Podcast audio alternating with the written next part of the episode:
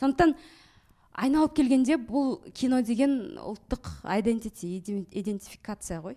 Ә, сондықтан назарбаев туралы фильмдердің олардың өзіндік функциясы бар. Ол тарихи функциясы ол биліктің ә, бет бейнесін көрсетеді ол шындық емес иә ол шындық емес ол оны кез келген саналы көрермен түсінеді оның бәрі шындық емес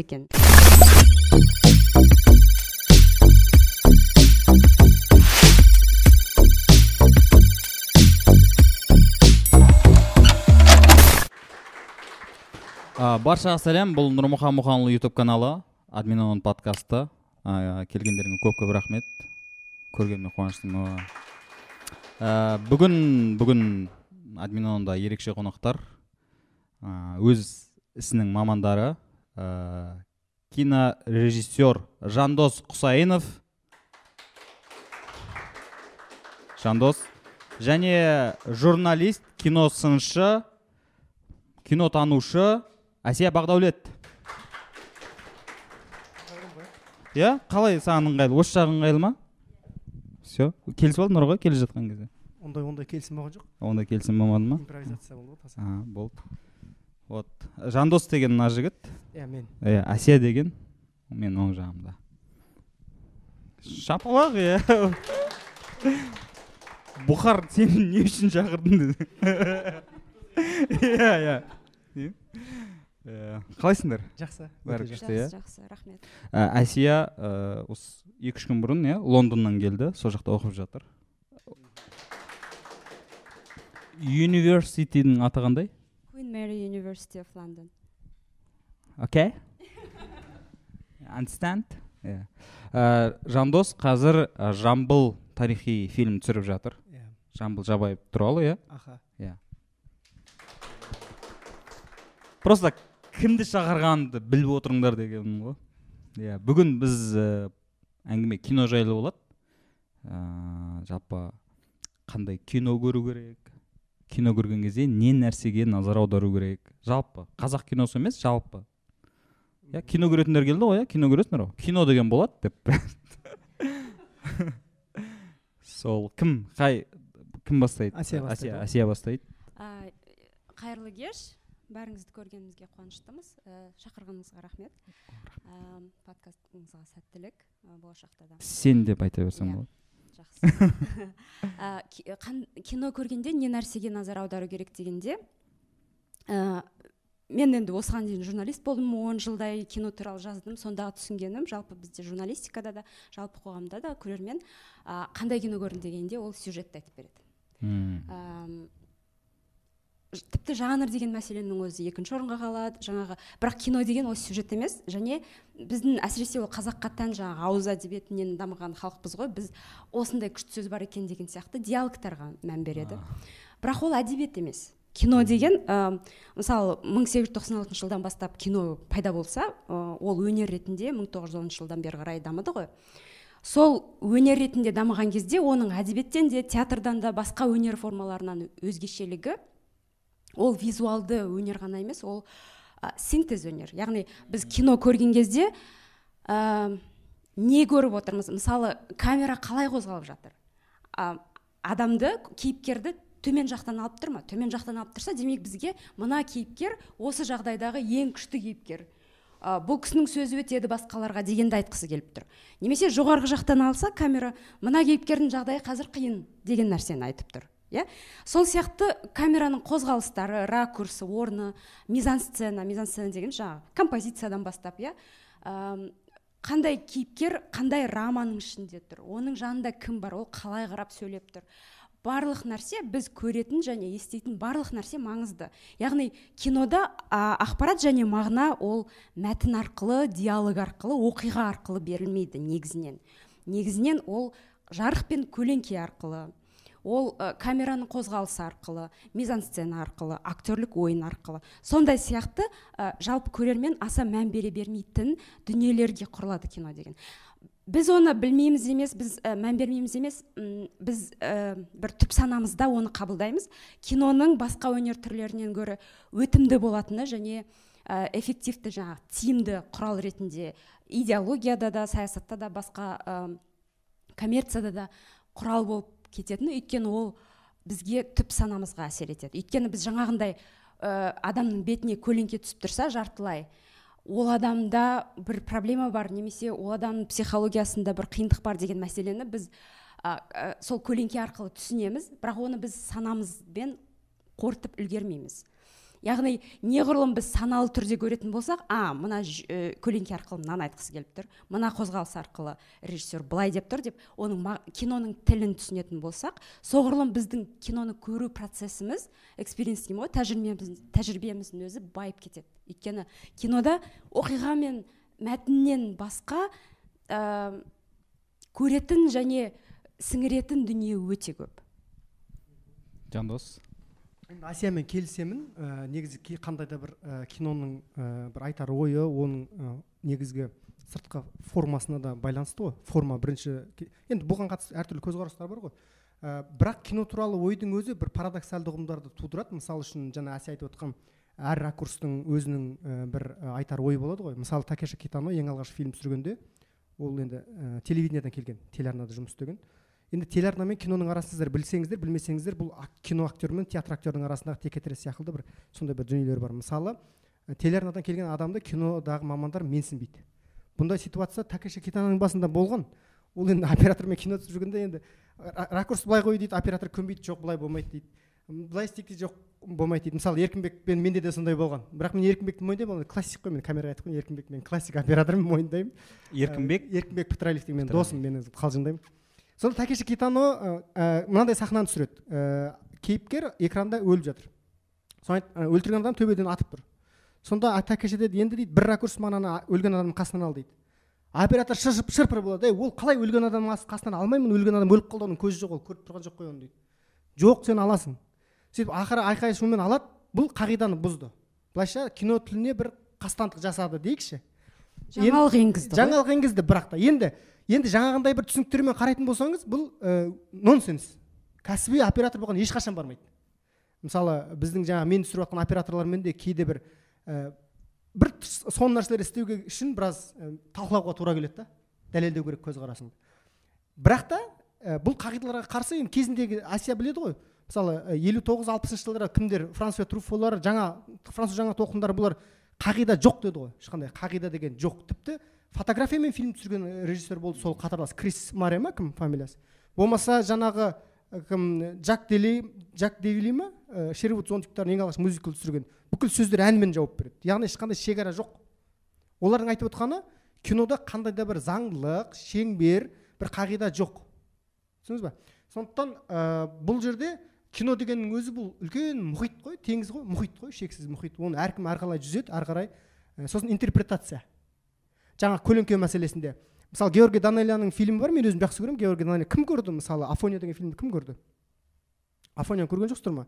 Афонияны көру керек десең. Шығыңдар ұрысу керек. Неге көрмейсіңдер афонияда мысалы ә, куравлевтың кейіпкері ә, ана қыз екеуі қонып шығады да таңертең қызға айтады.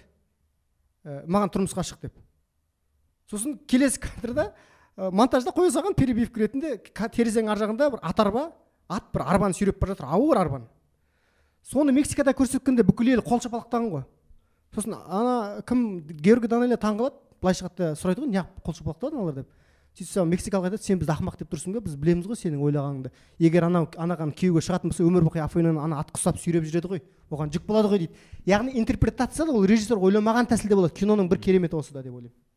Яғни көрермендер арқылы иә көрермендер арқылы оның екінші өмірі пайда болады. Екінші бір түсініктер ұғымдар пайда болады. Иә киноны әдетте режиссер түсіріп болған кезде ол жібереді да ол оған ә, тиесілі емес ол. Ставка қоймайды иә, ол көрерменге тиесілі. Ол қалай қабылданады? Ә, жаңағы ә, көп режиссерлерде сондай оқиғалар көп қой.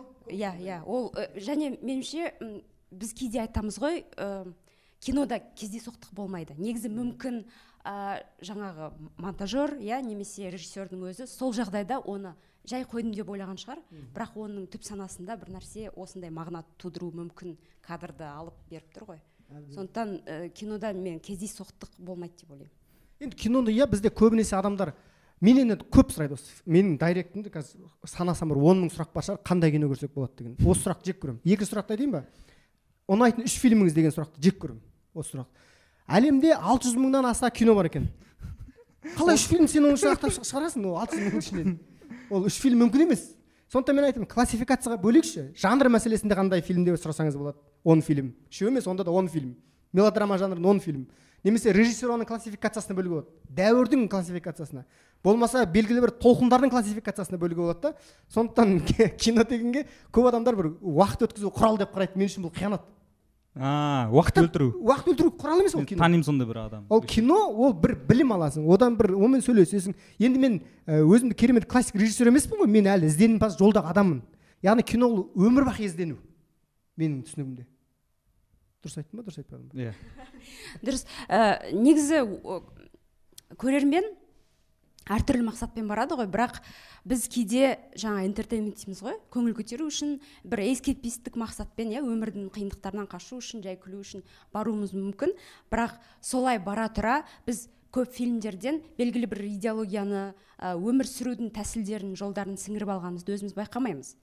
Ә, мысалы осы қазір атын ұмытып тұрмын зигмунд фрейд, фройдтың немере інісі осы әйгілі ә, пиар маманы голливудтағы кезінде ә, ақш-тағы сол отызыншы жылдары ә, темекі компаниясын бастайды. Темекіні ә, шылым шегуді ә, көп халыққа жаңа тарату керек. Өйткені компаниялар өсіп жатыр ал тек еркек халық оның ақшасы аздық етеді. Сондықтан әйелдерге де темекі шегуді үйрету керек. Америкада ол кезде көп халық иә жаңағы енді дін жолында сондықтан темекі шегуге қарсы болды. Бірақ ол киноға біздің жаңағы одри хеберннің мысалы иә басқа да актрисалардың барлығы сол қырық отыз қырқыншы жылдардағы фильмдерді қарасаңыз әйелдердің барлығы қолында темекі. Оны гламур ә, бейнеге айналдырды. Және ол сол кез отызыншы жылдардан бастап ә, суфражет ә, қозғалысы басталды ғой батыста. Яғни ол ә, еркіндікке ұмтылған әйелдің бейнесі ретінде көріне бастады. Сондықтан еркіндікке ұмтылған заманауи әйел адамдардың бәрі темекі шегу керек деген көзқарас қалыптасып ол нормаға айналып кетті. Мысалы батыста қазір енді бізде де мүмкін темекі шегу әйелдің ол норма. А, яғни біз кино мен сондай әдетті сіңіріп аламын деп ойламайсыз? Ол, ол, ол көрермен әйелдер ойлаған жоқ мен кино арқылы сіңірдім деп. Ол жай көңіл көтеру үшін барды. Одри хепберннің әдемі көйлектеріне қарау үшін бір романтика көру үшін барды. Өмірдің қиындығынан қашып о әдемі күшті бірақ айналып келгенде ол сондай бір құрықтарға түсіп қалады көрермен. А, мен жаңағы кино тілін түсініп үйрену керек деп айтатыным ол көрермен егерде ақпараттанған болса ол саналы түрде қарайтын болса киноны ол сондай манипуляцияның барлығын көріп отырады. А қалай ақпараттану керек ол? Мысалы үшін ол жаңағы мысалы біз кинотануда оқытады ғой бізге жаңа жандос айтып отырған дүниелер. Ә, мысалы жаңағы ереже жоқ деп жатыр ғой бірақ негізінде кез келген өнердің ережесі болады ғой. Мысалы ол жанрда да солай. Мысалы жаңағы айтып отырған 1910 жылдан бастап кино өнер ретінде ақырын бөлектене бастады театрдан. Оған дейін ол жай ә, ә, камераға түсірілген театр сияқты болды иә? Немесе камераға түсірілген жай өнер ә, өмірдің бір үзігі болды ә, люмьерлердің ә, шығармаларында. Бірақ та ә, оның театрдан ерекшелігі не әдебиеттен ерекшелігі не дегеннің барлығы осы 1910 жылдарын 60-70 жылдарға дейін сол, сол процесс киноның өнер ретінде даралану процесі жүрді. Осы даралану процесі кезінде жаңағындай белгілі бір ережелер пайда болды. Әсіресе голливудта ә, жаңағы камераның мынандай қозғалысы мынандай мағына береді. Ол ә, жаңағы common knowledge дейді ғой барлық халыққа түсінікті деңгейге жеткен кезде соларды сындыру басталды. Жаңағы елуінші жылдары жаңа толқынның ә, италияда неореализмнің пайда болған одан кейін басқа елдерде жаңа толқындардың пайда болуы ә, голливудта жаңағы стивен спилберг сияқты жаңа толқын режиссерлердің келуі голливуд студия жүйесінің бұзылуы оның барлығы айналып келгенде сол киноның өнер ретінде ә, жаңағындай ережелері қалыптасып болған кезде басталды оны бұзу басталды.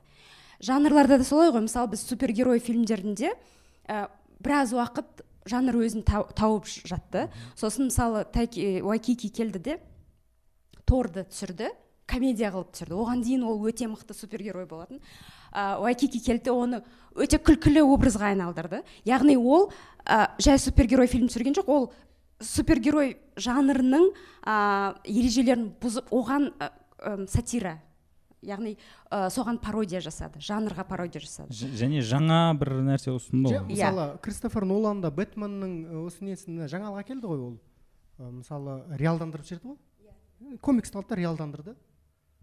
Бэтмен трилогиясы кім түсірген кристофер нолан түсірген соны режиссерға байланысты болып тұр ғой бұл мәселе. Ә, сен мысалы үшін жаңа әсия айтқан ережелерді өз киноларыңда қолданып бірақ ә, көрермен тарапынан түсінбей қалған жерлер болды ма? Жоқ енді біріншіден мен ондай бір керемет ә, көрерменге танымал фильмдер түсірген жоқпын. Екіншіден ол ә, жалпы ана кімнің гордонның бір сұхбаты бар күшті кімнен? Данелиядан алған. Георгий данелияны білесіздер ғой? Қап десең георгий данелиядан сұхбат алғанда айтады ұстаздық деген ә, мен мынаны былай жасаймын сен де солай жаса деген сөз ба дейді. Сонда айтады жоқ дейді ұстаздық деген мен мынаны былай жаса негізі мынау былай жасалады сен осыны жасап үйренген кезде өзінше жаса деген сөз дейді. Яғни ережелерді біліп алғаннан кейін ережелерді бұзу басқа. Ал ережелерді білмей бұзу бұл дилетанттық. Иә мысалы пикассо а- а- абстракционизмнің өкілі иә бірақ та ол а, бала кезінен сурет салған және бала кезінен жазған суреттері ол классикалық стильде. Иә, ол кәдімгі академиялық иә. стильдегі суретші болған ғой. Демек ол бәрін үйренген кезде оған оның іші пысады да оны бұзады. Яғни шын суретшілер негізінде ә, олар сыртқа мысалы ә, көрерменге осы сондай академиялық стильдегі дүниелермен бөліспесе де бірақ содан бастаған олардың бәрі. О- одан ол жолдан өтпей аяқ астынан айдаладан келіп мен бұзып жатырмын деп сен бұзу үшін соны меңгеру керексің алдымен. Мысалы жаңағы жаңа толқындағы франса труфо лара гадарел бұрақ алдымен сыншы болды ғой кино сыншы болды. Бұлар ә, фильмдерді талқан шығарды көктейтіліп мына жағынан да мына жағынан да сосын айтты. Өздерің түсіндірші енді деп. Менде ана кімнің кітабы бар? Франса трюфоның трюфа трюфо деген. Сол кітапта айтады ғой. Мен елдің бәрін сынап сынап алдым да төрт жүз удар деген фильм түсіргенде журналистер жазды дейді. Атының өзі нашар фильм түсіріп жатыр депші мынаның киносы мандымайды деп бірақ елу тоғызыншы жылы канда енді үздік режиссер алды ол. Яғни ол қағидаларды білді. Сосын бізді енді біздің бір трагедиямыз біз қағиданы білмей бұзғымыз келіп тұр ғой. Осы жерде проблема болады. Бұл дұрыс емес. Негізі иә әсіресе мынау қаптаған комедиялар той комедияларын түсіріп жүрген қыз жігіттер көбісі сол жаңағы ережені білмейтіні бірден көрінеді жаңағы. А, арзан құрзан квннан әр жерден ұрлап жырлап бір бірімен жағаластырып қойған көп әзілдердің бір ә, қосындысы ғана болып шығады да. осы жерде әсия мынандай енді ә, сен ә, киноны зерттеп жүрсің ғой бізге қарағанда ғылыми тұрғыдан. Мысалы мен бір таңқаламын. Кеше осы ә, кинотеатрда осы мейджор бір студияның ә, жалпы компанияның бір адамымен кездесіп шай іштім. Ә, сонда мен сұраймын ғой енді ә, не көреді бұл халыққа не өтеді деп? Жаңағы үлкен вайнерлер өтіп вайндар өтіп жатыр да енді жаңағы комедиялар. Үлкен вайн ғой бір жарым сағаттық вайндар. Қарашы сонда м, олар көп ақша табады екен. Миллиардтап табады жаңағы фильмдер комедиялар. Төртінші бесінші сортты комедиялар. Ал біз халыққа жақсы фильм түсіргіміз келеді бірақ оны ел көрмейді. Априори көрмейді оны. Иә. Сонда осы жерден қандай жол табу керек мысалы әсия ә, меніңше енді бұл бір жаңалық емес негізі қазақстанда ғана емес менің осы ә, мюнхеннен дос қызым бар ә, неміс қыз ол, ол айтады мысалы германияда да дәл солай жаңағы өте А. нашар түсірілген тек бір жеңіл желпі әзілге құрылған комедиялар өтімді. Ә, авторлық фильмдерді көретін ә, аудитория көп емес. Ә, бірақ енді бізбен салыстырғанда әрине европада көбірек өйткені ә, оларда көру мәдениеті қалыптасқан. Халық саны арнайы иә? халық саны көп. Сосын оларда арнайы сондай авторлық фильмдерді көрсету ә, жаңағы мәдениеті қалыптасқан көрсететін сондай ә, фильмдерге арналған кинотеатрлар жүйелері бар ә, киноклубтар олардың барлығы м, енді мәдениет ретінде кеңірек тараған. Сонысымен ғана ерекше да ал әйтпесе былай жалпы ә, алған кезде дүние жүзінде солай. Ондай сіз түсіргіңіз келетін жақсы киноны ә, оны түсіне қоятын көрермен саны ылғи да аз болады. Енді оны өзіңіз де түсінесіз иә. Бірақ ә, біздің міндетіміз қазіргі көрерменнің сол талғамын көтеру ғой. Ки- кино киноға шын өнер деп қарайтын адам ол ә, көрерменнің жетегінде кетпеу керек. Керісінше көрерменді өзі жетектеп жоғары ә, бір талғамын деңгейін көтеру керек. Сонымен айналысу керек та. Ә, осы жерде негізі жауапкершілік ол ылғи да білмейтін адамда емес білетін адамда ғой. Ә, мысалы үшін сен ә, негізінен жаңағы дәстүрлі кинолар түсіресің ғой. То есть кла- классикалық дейікші иә? Коммерциялық емес. тырысамын тырысамын Иә, коммерциялық емес. Тырысқанмын ә, бірақ жаңағыдай ә, бізде өтіп жатқан коммерциялық кинолар ә, мен өткенде жандосқа айтып жатырмын негізі коммерциялық киноларда бізде режиссер ол бірінші адам емес. Ол жерде продюсерлер. Иә, демек бұл жерде жаңағы білетін режиссер білмейтін адамды тыңдауға мәжбүр болып тұр ғой. Ол жерде демек бұл біз әңгімемізді кинотеатр басшылары мен продюсерлерге бағыттау керек қой. Солай болып тұр ғой мәселе. Енді бұл жерде ә, үлкен ұлы сұрақ туады өзі. Атам заманнан келе жатқан киноның авторы кім? Продюсер ма режиссер ма? Мхм. Енді ә, негізі режиссер. Дұрыс қой. Болу керек. Болу керек. Иә. Негізі ұлы ұлы заңдылық сол. Киноның авторы ол режиссер. Ә, қанша миллион ақша салса да продюсер ол мысалы бізде мынандай қызық жағдайлар болды ғой. Продюсердің атымен аталған фильмдер продюсердің фильмі пәленшенің фильмі түгеншенің фильмі. Ә, осының өзі жалпы киноға деген қарым қатынастың дұрыс емес екендігін білдіреді. Мхм. Ал негізінде ә, ә, бірақ та бұндай ситуация бізде ғана емес. Мысалы голливудта соңғы монтаж құқы деген бар ұғым бар. Соңғы монтаждың құқығын әркімге бір бере бермейді. Мысалы кристофер нолан да бар. Ол өйткені өзін дәлелдеген адам. Ә, бірақ ә, жандос құсайынов бар голливудқа түсірсе өмірі бермейді оған монтаж құқығын. Монтажға жолатпайды режиссерді продюсерлер жасайды. Өйткені олар ана товарға азатқа товар ретінде қарайды. Олар индустрия ғой мен айттым ғой мысалы оларда кино түсіру айфон шығару. Немесе мерседес шығару. Осылай оларда. Бізде кино түсірілу өндірісін үшке бөліп қарасақ препродакшн продакшн постпродакшн біз үшеуін де шығармашылық қылып қараймыз ғой. Ал олар айтады шығармашылық сценарий кезінде дейді және монтаж кезінде бәлкім елу де елу ал ә, киноның өндіріс кезеңі продакшн кезеңі ол өндіріс дейді. Ол жерде әр болт әр гайка орын орнымен тұру керек. Әйтпесе біреу босап қалатын болса ертең нәтиже құлайды. Бұлар осылай қарайды. Енді бұл жерде ә, кейде продюсерлер мысалы кімнің фрэнсис форд копполаның әйгілі оқиғасы бар ғой талып құлайтын. Соңғы монтаж кезінде талып құлап ә, енді инсценировка жасайды жаңағы ә, не жүрегі ауырған болып. Аль пачиноның ә, бекіту кезінде де сондай болған оған сенбеген аль пачино деген мынау кішкентай нәнді ақ адам қалай ол мафияның несі болады? Бірақ режиссердің көрегендігі жеңіп тұр ғой бұл жерде. Яғни түйін режиссер қандай да бір қиындықтарға болмаса да күресіп соны алып шығу керек. Өйткені ол сол төбелеске кіріп тұр ғой. Сол алаңға кірді ма ол енді сол жерде төбелеседі. Яғни менің шамам жетпеді продюсер өйтті деген әңгіме жүрмейді. Дегеніне жету керек. дегеніне жету керек. Продюсер айтты ғой ақша болмай қалды ғой жаңбыр жауып кетті ана сахнаны түсіре алмадық ол болмайды ондай әңгіме қабылданбайды. Иә негізінен ә, сонымен қатар ә, ондай кинолар ә, жаңағыдай үшінші төртінші сорттағы комедия деп жатырмыз ғой. Ә, көрермен өзінің былайша айтқанда ақшасымен қолдау көрсетіп жатыр ғой. Егер олар шынымен де жаңағыдай ақпараттанған болса бұл нәрсені қабылдамаймын дегенде әрекетімен көрсетсе демек ол кинолардың да дәуірі тоқтауы мүмкін ба немесе ә, саны азаяды? Солай ма? Иә бірақ м, негізінде мен ойламаймын оның ә, дәуірі өтеді немесе азаяды жаңағы көрермен деп. Және оған ол бір үлкен трагедия емес енді ол қалыпты жағдай ретінде қабылдау керек. Немесе альтернатива ұсыну керек иә иә? альтернатива ұсыну керек. Ол ә, ол параллель процесс ретінде жүре беру керек. Және мен ойлаймын соңғы уақыттағы осы біздің той комедия деген ол өзіміздің бір жанр ретінде қалыптасты деп ойлаймын. Өйткені оны біз қанша сынағанмен ол көп түсіріледі және оған көрермен барады және олардың өзінің жанр ретінде ұстанып қалыптасып қалған бір ә, заңдылықтары бар біз оны көріп отырмыз. Яғни мысалы э, үндістанда ә, масала деп айтамыз ғой. Ә, сол сияқты бізде де той комедиясы деген сондай жанр. Өзі мен ә, бір нәрсені анық осы қаңтар оқиғасы кезінде мен бір нәрсеге анық көзім жетті ғой. Жалпы классика деген нәрсе өлмейді екен. Мысалы джинсы ешқашан өлмейді ол? Джинсы ол классика. Кезінде мысалы ә, теледидар шыққанда газет өлді деген. Өлген жоқ газет. Ә, немесе кинотеатр шыққанда теледидар өлді деді. Интернет шыққанда бәрі өлді деген. Ештеңе өлген жоқ өлмейді. Классика өлмейді. Бірақ классикаға деген көзқарас өзгереді. Болды. Енді ол көзқарастардың ә, мынау ә, схема түріндегі мынандай қисықтары әртүрлі болу гипербол бола беруі мүмкін әртүрлі. Бірақ та ә, бір нәрсе анық ол мына кинотеатрдан өтетін кинолар өлмейді. Сондай ақ классикалық кино да өлмейді. Мысалы ә, қазір көптеген эксперименттер жасап жатыр ғой. Вертикалды кино ә, бекмамбеттің скрин лайф киносы ә, джеймс кэмерондардың үш д фильмдері. Қайда? Үш д фильм қазір қайда? Жоқ бар бірақ ол ондай доминантты рөлге ие болған жоқ қой. Яғни ол бәрібір ә, кәдімгі полотнодан көретін ә, кинолар м, кинотеатр. Бұл театр сияқты бұл классика. Қыл мысалы сурет ол натюрморт ол классика портрет классика. Қалғандары ол авангардтық ә, туындылар бола береді. Олар бір біріне әсер етпейді. Ә, бір біріне кесір қылмайды менің ойымша. Иә сосын мынаны да мойындау керек. Соңғы жылдары енді netflix сияқты амазон жаңағы эпплдің өзінің apple tv көп қой сондай стриминг платформалар иә. Сол платформалардың өздері ә, кино түсіреді ә, толықметражды. Және онда байқасаңыздар ірі пландар көбірек яғни киноның тілі өзгеріп жатыр сәл пәл. Микрофон жақын а иә.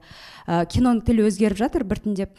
Яғни сіз нетфликске шығаратын ә, фильмге өте көп ә, жалпы пландар түсірмейсіз.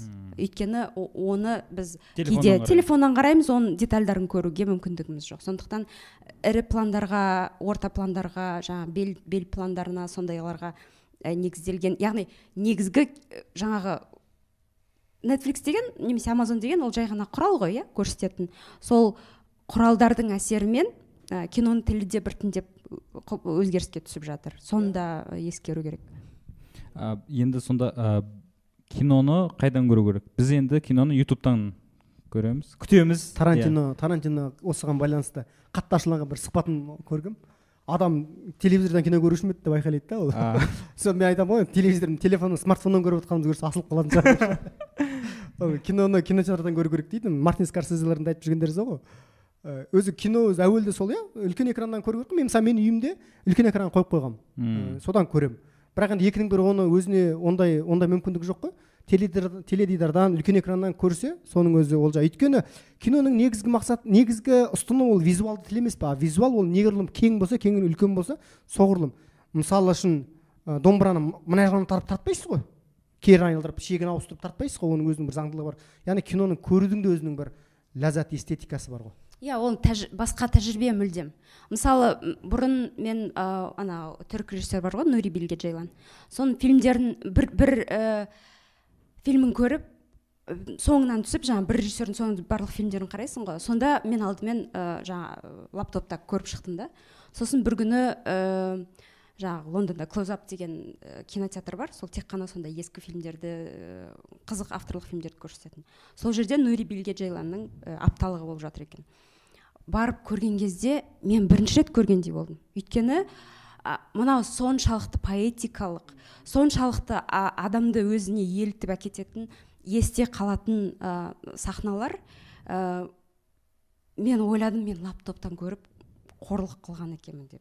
Иә. Расымен де ол салыстырып көргенде ғана көрінеді айырмашылығы. Мысалы уэс андерсон уэс андерсон не үшін ол фильмдерінде әртүрлі ә, экрандық анау ә, нелерді пиксельдерді қолданады? Кескіндерді. Төртте үште он алтыда тоғыз ары қарай кете береді ғой. Сол эпохаларға сай қылып жаңағы ол да ки- киноның тілі. М, ол экранды қолдану да киноның тіліне жатады. Яғни сен сурет салған кезде қандай мольбертке саласың? Қандай кеңістікті көрсеткің келіп тұр? Осыған байланысты енді біздің көбінесе осы жағына біздің сауатымыз жетпей жатады ғой.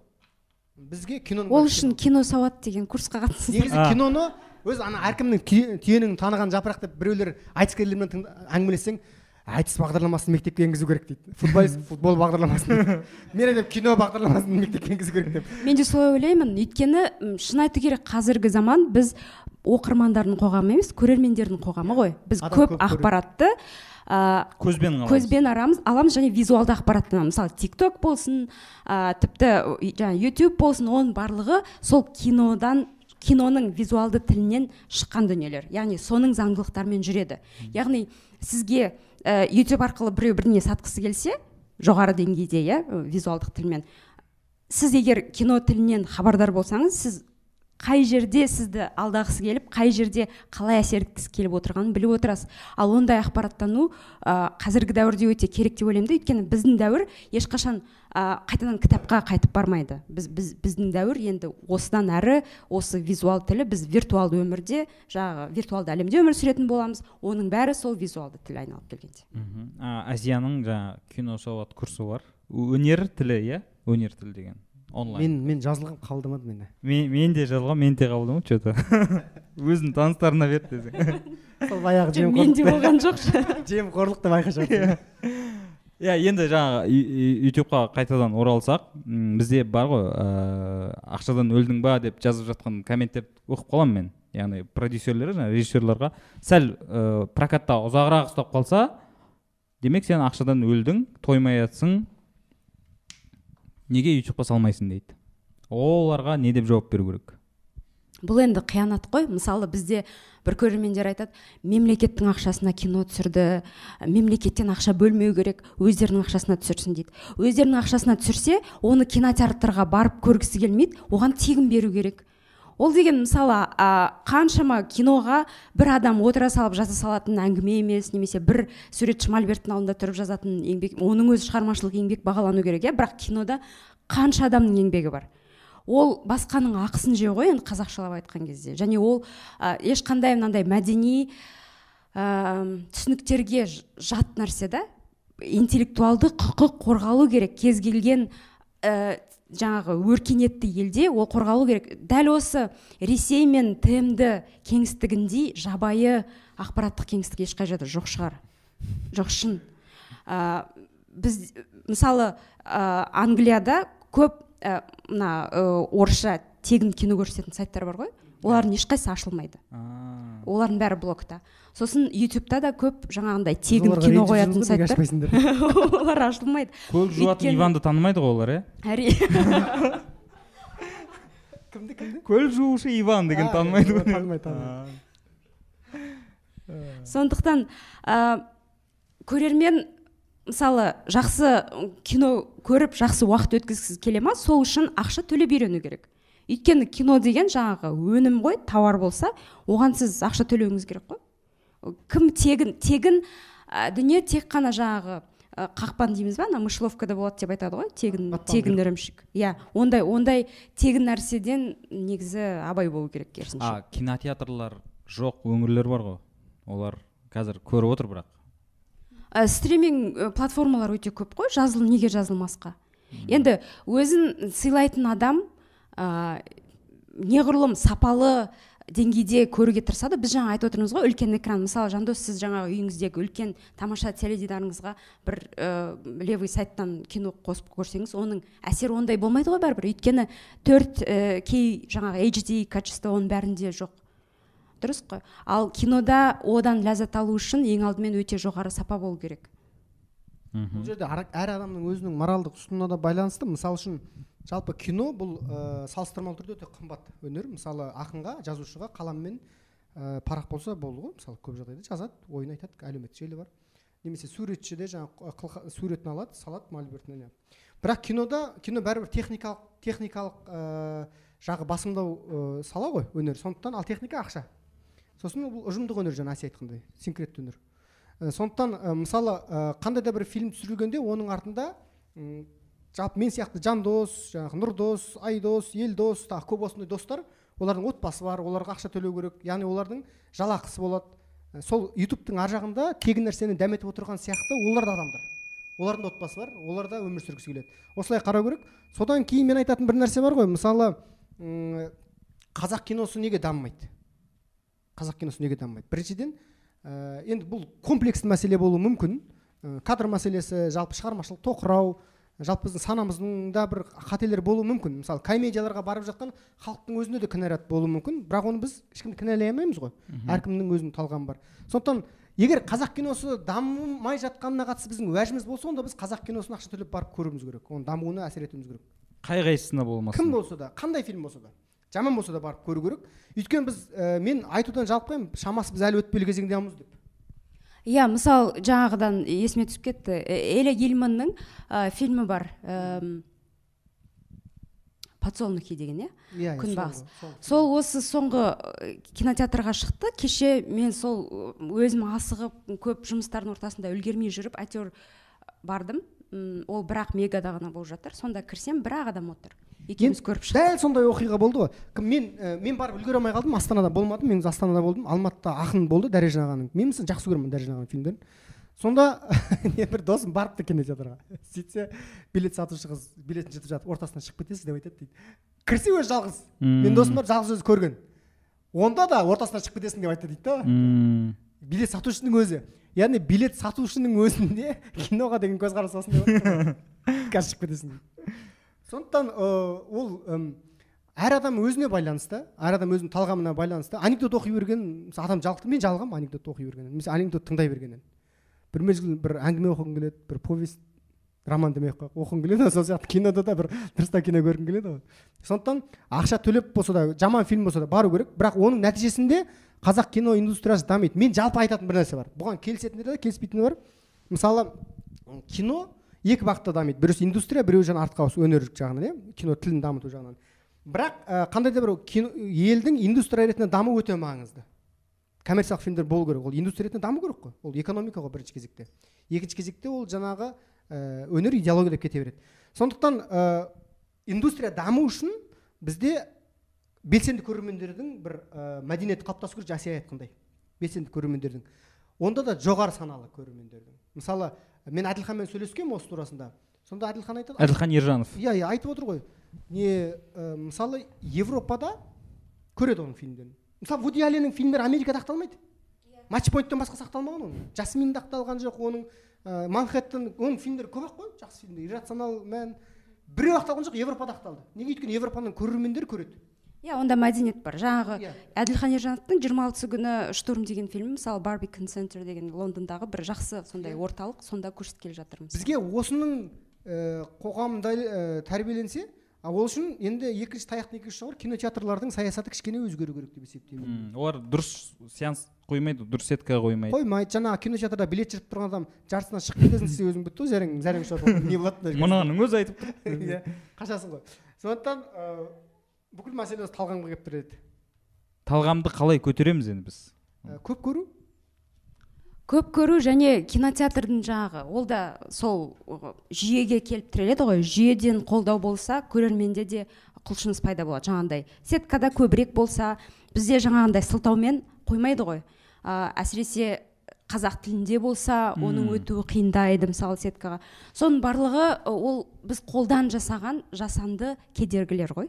Мен мысалы кино туралы заң қабылданды ғой 2019-да сол кезде мен жұмыс тобында болғам. Мен бірнеше ә, ұсыныстар бергем ә, кореяның ә, францияның тәжірибелерінен. Сонда мен көбісін жоққа шығарды ғой енді. Бірақ мен біреуіне тістей қатып жабысқам. Мемлекет бір қала ә, бірнеше қала бар ғой бізде үлкен үлкен мемлекеттік маңызы бар қалалардан бір кинотеатрдан ашсыншы. Коммерцияға құрылмаған.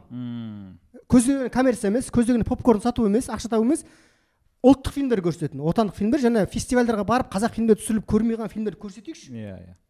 Оған көп ақша кетпейді біз онсыз да басқа спорттың түріне басқа бір бірдеңелерге бөліп жатырмыз ғой. Ана өз өзін ақтайды бірте бірте адамдар келе бастайды. Жақсы фильмдерге үйрене бастайды. Осындай кинотеатрлардың бір желісін ашайықшы бесеуін ашайықшы бес қаладан. Үлкен үлкен. Нұр сұлтан алматы қарағанды деген сияқты. Жоқ мемлекет ә, кәсіппен айналысуға болмайды. Жоқ ол негізі мемлекет қаласа тілін табады. Оның тілін табады қорлар бар не бір жасайды. Бірақ осыны жасамай отыр ғой енді енді енді ренжісе де сол. Мен сол кезде осыған қатты не қылғанмын үміт еткенмін кино туралы заңға кіргізетін шығар деп. Сосын екінші нәрсе ұлттық киноға квота беру мәселесін мен көтергенмін. Кореядағы жетпіс екі фильм жылына біз жетпіс екі демей ақ елу фильмге квота берейік ұлттық фильмге. Мысалы ә, артхаус фильмдерге квота берейік.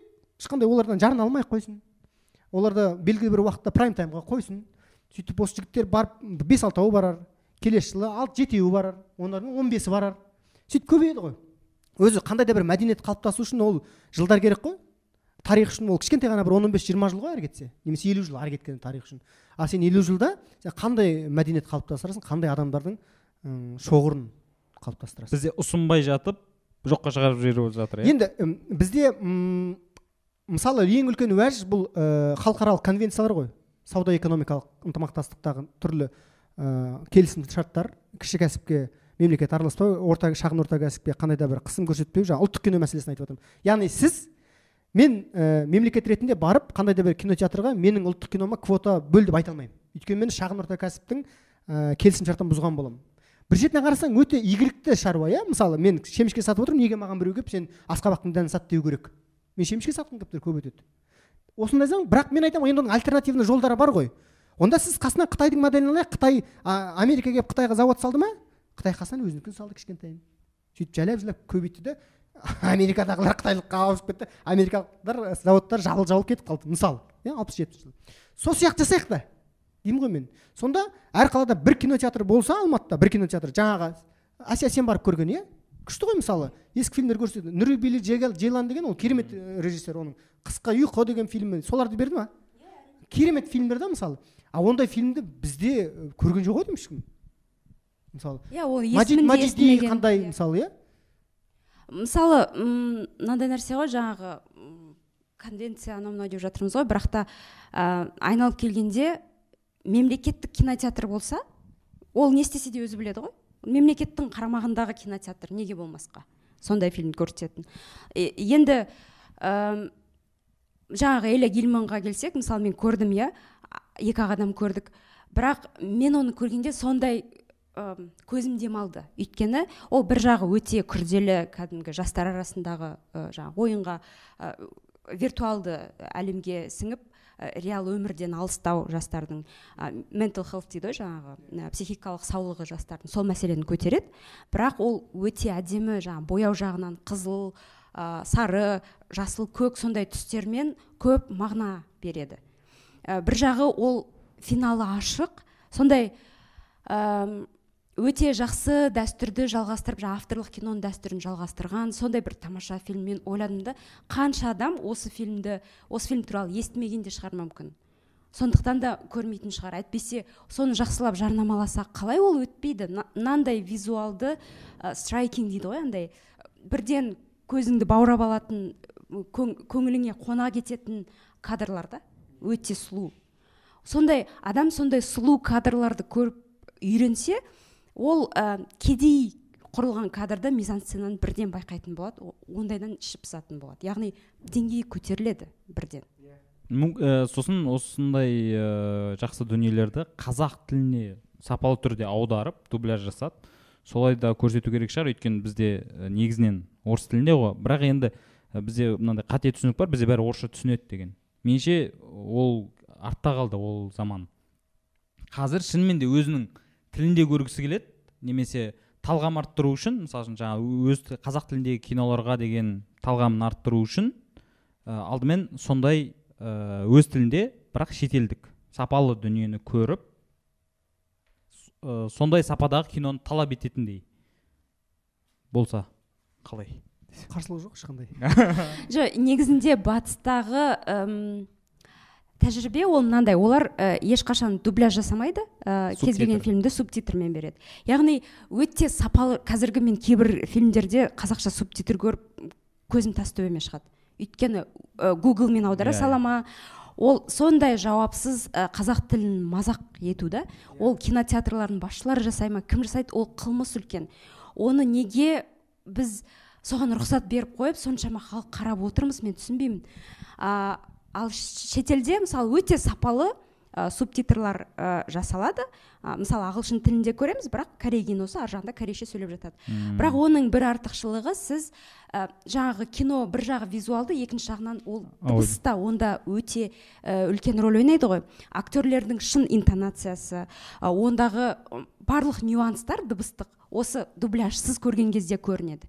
Сосын әсіресе біз ә, мен бұрын көп ә, жаңағы мысалы айталық ә, кейбір актерлерді жұрт мақтаған дейлиус сияқты иә.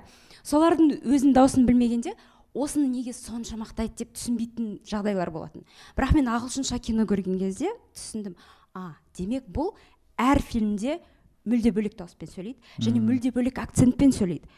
А, бір ғана акцентпен сөйлеген актерді көрмейсіз. Олар мысалы кейіпкерінің өмірбаянына қарайды ол калифорния штатынан болса ол сол акцентпен сөйлейді.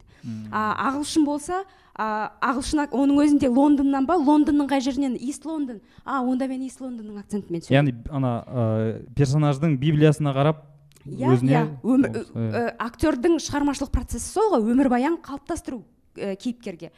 Ал сол оның қай жерден географиялық локациясы қай жерде туып өскен сол мәселе оның тіліне әсер етеді. Мысалы мен қазақ тілінде таң қалатыным жаңағы бізде енді жақсы актерлер бар қазір киноға түсіп жүрген әсіресе кинокомедияларда бар. Бірақ ол кісілер бір рөлді бәрінде ойнап жүре береді. Бір кино бір фильмнен шығып екінші фильмге барып тура сол рөлін ойнап жүре береді және сол үшін ұялмайды. Бонус сериалдарда ойнайды иә иә. Бірақ олардың әр кейіпкердің тарихы болу керек қой. Ол қай жақтың адамы? Батыстың адамы басқаша сөйлейді ғой. Yeah. Иә. мысалы мен өзім жеке ә, адам ретінде маған батыс адамдарының сөйлеу стилі өте қызық. Иә мен, мен содан бір рахаттанамын соларды тыңдаған кезде. Немесе оңтүстік шымкенттің адамдарының жергілікті акценті бар мүлдем бөлек. Ол да қызық маған. Ә, солтүстік адамдардың жаңағы бақыт деген бақыт деп айтатыны мысалы соның бәрі қызық қой. Лақтырып иә лақтырып. Біздің мысалы мына алматы облысының ә, ж деп айтатын ж емес челек иә челек. Сол дүниелердің барлығы ол ә, сіз оны бірден оны айтып керек жоқ бұл алматыда туып өскен ә, немесе нарынқолда деп. Біз соны сөйлегеннен ақ танисыз. Біздің актерлерге жалпы киноға сондай детальдармен жұмыс істеу жетіспейді. Ә, мен ә, сондай кейде сондай кетіп қалады ғой иә? Диалект диалект дейміз ба сондай говорлар кеткен кезде керісінше сыни пікірлерді көп көрдім да. Таза қазақша кинода ма? Иә то есть кино көрген адамдардан. Таза сөйлемей ма? Деп жоқ негізі ол академиялық театр емес қой. Академиялық театр мен түсінемін ол, ол жаңа чеховты аударған немесе шекспирдің әбіш кекілбаевтың аудармасындағы дүниені сен қалай бұзып айтасың мысалы. Бірақ кино деген ол кейіпкер ғой. Кейіпкердің тарихы болмай ма? ол кейіпкер басқалардан ұқсамай ерекшеленіп тұру керек қой. Ал оның сөйлеу стилі жаңағы говоры ол сол кейіпкердің өзі ғой. Сондықтан негізгі мақсат кейіпкер жасау бұл жерде бір әдемі тіл көрсету емес. Мм, соны түсіну керек. Сосын жаңағы бәріне түсе береді дегенде бізде негізі оны продюсерлердің талабы мысалы үшін бір образы жыртып кетсе мына менде де ойнап берші осылай а күшті сенің образың дейді да сон и ол ә, былайша айтқанда сол актерлар сол образдың құрбанына айналып кетеді. Кейін оны көрерменнің өзі де басқа образды қабылдай алмайды да егер ол ә, жаңағы негатив образда болса тіпті қабылдамай қояды. Содан кейін жаңағыдай е маған ыңғайлысы осы деп сол осындай кезде әсіресе комедиялық актерлерге ә, жаның ашиды. Өйткені олар ым, қалай болғанда да шығармашылық адамда амбиция болады ғой. А, актерлерде бір гамлет болмаса да бір драмалық ә, өте бір ә, жаңағы салмақты фильмде түсу ғой. Ал комедиялық рөлмен танылып кеткен актерді драмаға шақырмайды да және оны сіз айтқандай қабылдамайды да. Сол үшін негізі ә, актер енді талғампаз болу керек қой. Ол өзінің шығармашылығына жауапкершілікпен қараса онда ол сценарийді алдымен оқып сосын шешім қабылдау керек қой. Өзінің болашағы екенін түсіну керек та.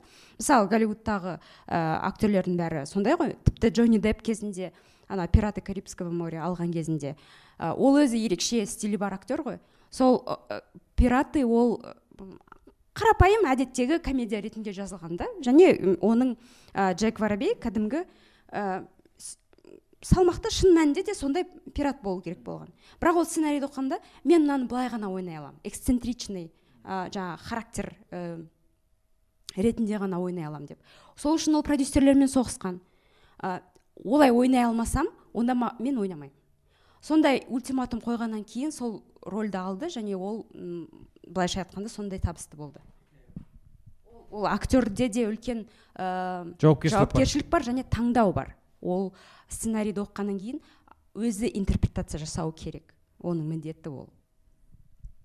Сен актерлармен ә, қандай актерлармен жұмыс істедің сондай ә, өзі саған ұсыныспен келген? Мынаны былай ойнайыншы дейтін. Кім бар бізде? Ондай актерлар бар ма негізі? Менде бар шығар енді жоқ деп ы, ауызды қу шөппен сүрте беруге болмайды ғой. Жалпы бар ғой ел болған соң. Бірақ маған ондай келмепті десең. жоқ мысалы біз білетін дулыға ақмолда сондай актер иә? А, иә. Иә сосын ә, мысалы мен санжар мәдиевті ә, әділхан ержановтың жаңағы сары мысық фильмінде көргенде таң қалдым. Өйткені ол жаңағы стереотип ода қалыптасты Иә. жаңағындай беті жылтыраған әдемі. Иә қатып қалған иә. Бірақ ол сол ә, соны бұзғысы келіп жұмыс істеп жүргенін байқайсың. Тура сол сияқты мысалы роберт паттинсон қалай бастады ә, сагасымен иә? Ә, ол енді қатып қалған вампирдің рөлін ойнады ғой. Сонда бәрі оған оны мазақ қылды. Мынау не? Ә, бірақ ол продюсердің талабы сондай болған. Осылай ойнайсың басқаша. Ол енді жас актер өзінде үлкен не ә, жаңағы билік жоқ қолында ә, және ақша да керек деген сияқты та- та- та- сонымен ол келісті. Бірақ содан кейін сол стереотиптен шығу үшін қалай еңбек етті? Анау ә, good times деген фильмге түсті. Иә. сосын анау лайтхаусқа түсті. Ә, енді соның арқасында ол бэтменді алып отыр да. Өйткені ол шын мәнінде ә, басқа жан жақты актер екенін көрсетті. Иә солай еңбектену керек актерге де. Ол үшін мен қазір енді сендердің сөздеріңнен түсінгенім бізде сондай өзгеріс болу үшін өте көп кино түсірілу керек сияқты. Бізде жалпы коллективті сенімділік деген нәрсе жоқ қой. Негізі мысалы актер режиссерға сенбейді ә, режиссер ешкімге сенбейді. Өзіне де сенбейді. Неге? Өйткені мен оның бұл енді қатты айтыла беретін нәрсе емес шығар бірақ мен бір нәрсені байқаймын. Жалпы ә, бізде ә, адамдар өздерінің жұмыстарын не жақсы көрмейді не ол жұмысты амалсыз істейді күнкөріс үшін. Мысалы ә, мен осы соңғы фильмде кастинг директормен қатты конфликтке келген нәрсем менің фильміме түскен адам басқа жаққа түспесін дедім. Ең болмаса өмірінің мен айтамын ғой шамамен ол актер жетпіс жыл өмір жасайды. Жетпіс жылының бір отыз айында мен кино түсіріп жатырмын фильм түсіріп соның бір алты күн маған қисыншы. Сол сол отыз күннің ішінде тойға бармай ақ қойсын кляшарға бармасын ешқандай жаңағы кеп тұсау кеспей ақ қойсын одан басқалар кеседі басқа сериалға түспей ақ қойсын. Жоқ енді ол оның жұмысы ғой. Мен айтамын жоқ ол қалай жұмысы болады? Ана жаққа барады да ол комедия ойнап кетті маған келіп тарихи фильмде қалай ойнайды ол? Миы каша болып миы каша болып отыр оған қазір жоспарды орындау керек ол автоматикаға кетіп жатыр мен айтамын ең болмаса бір имитациясын жасасыншы маған ойланып жүрген ізденіп жүрген жасасыншы маған. Кет өйтпесінші келеді. Қазір маған келіп ешкім айтпайды ғой режиссерға жалпы актерлар келіп айтпайды. Ол ол мәдениет қалыптасқан. Бірақ міндетті түрде жаңағы продюсердің құлағын жейді мына жаққа барады да жаңағы кастинг директорға айтады сағат тоғызда тойым бар еді сөйту керек еді бүйту керек ол экранда экранда ал бастадық деген кезде ол тойды ойлап отырады да. Сол көзінен көрініп тұр мен айтамын мынау не тойды ойлап отыр не насыбай айтқысы келіп отыр деп ше.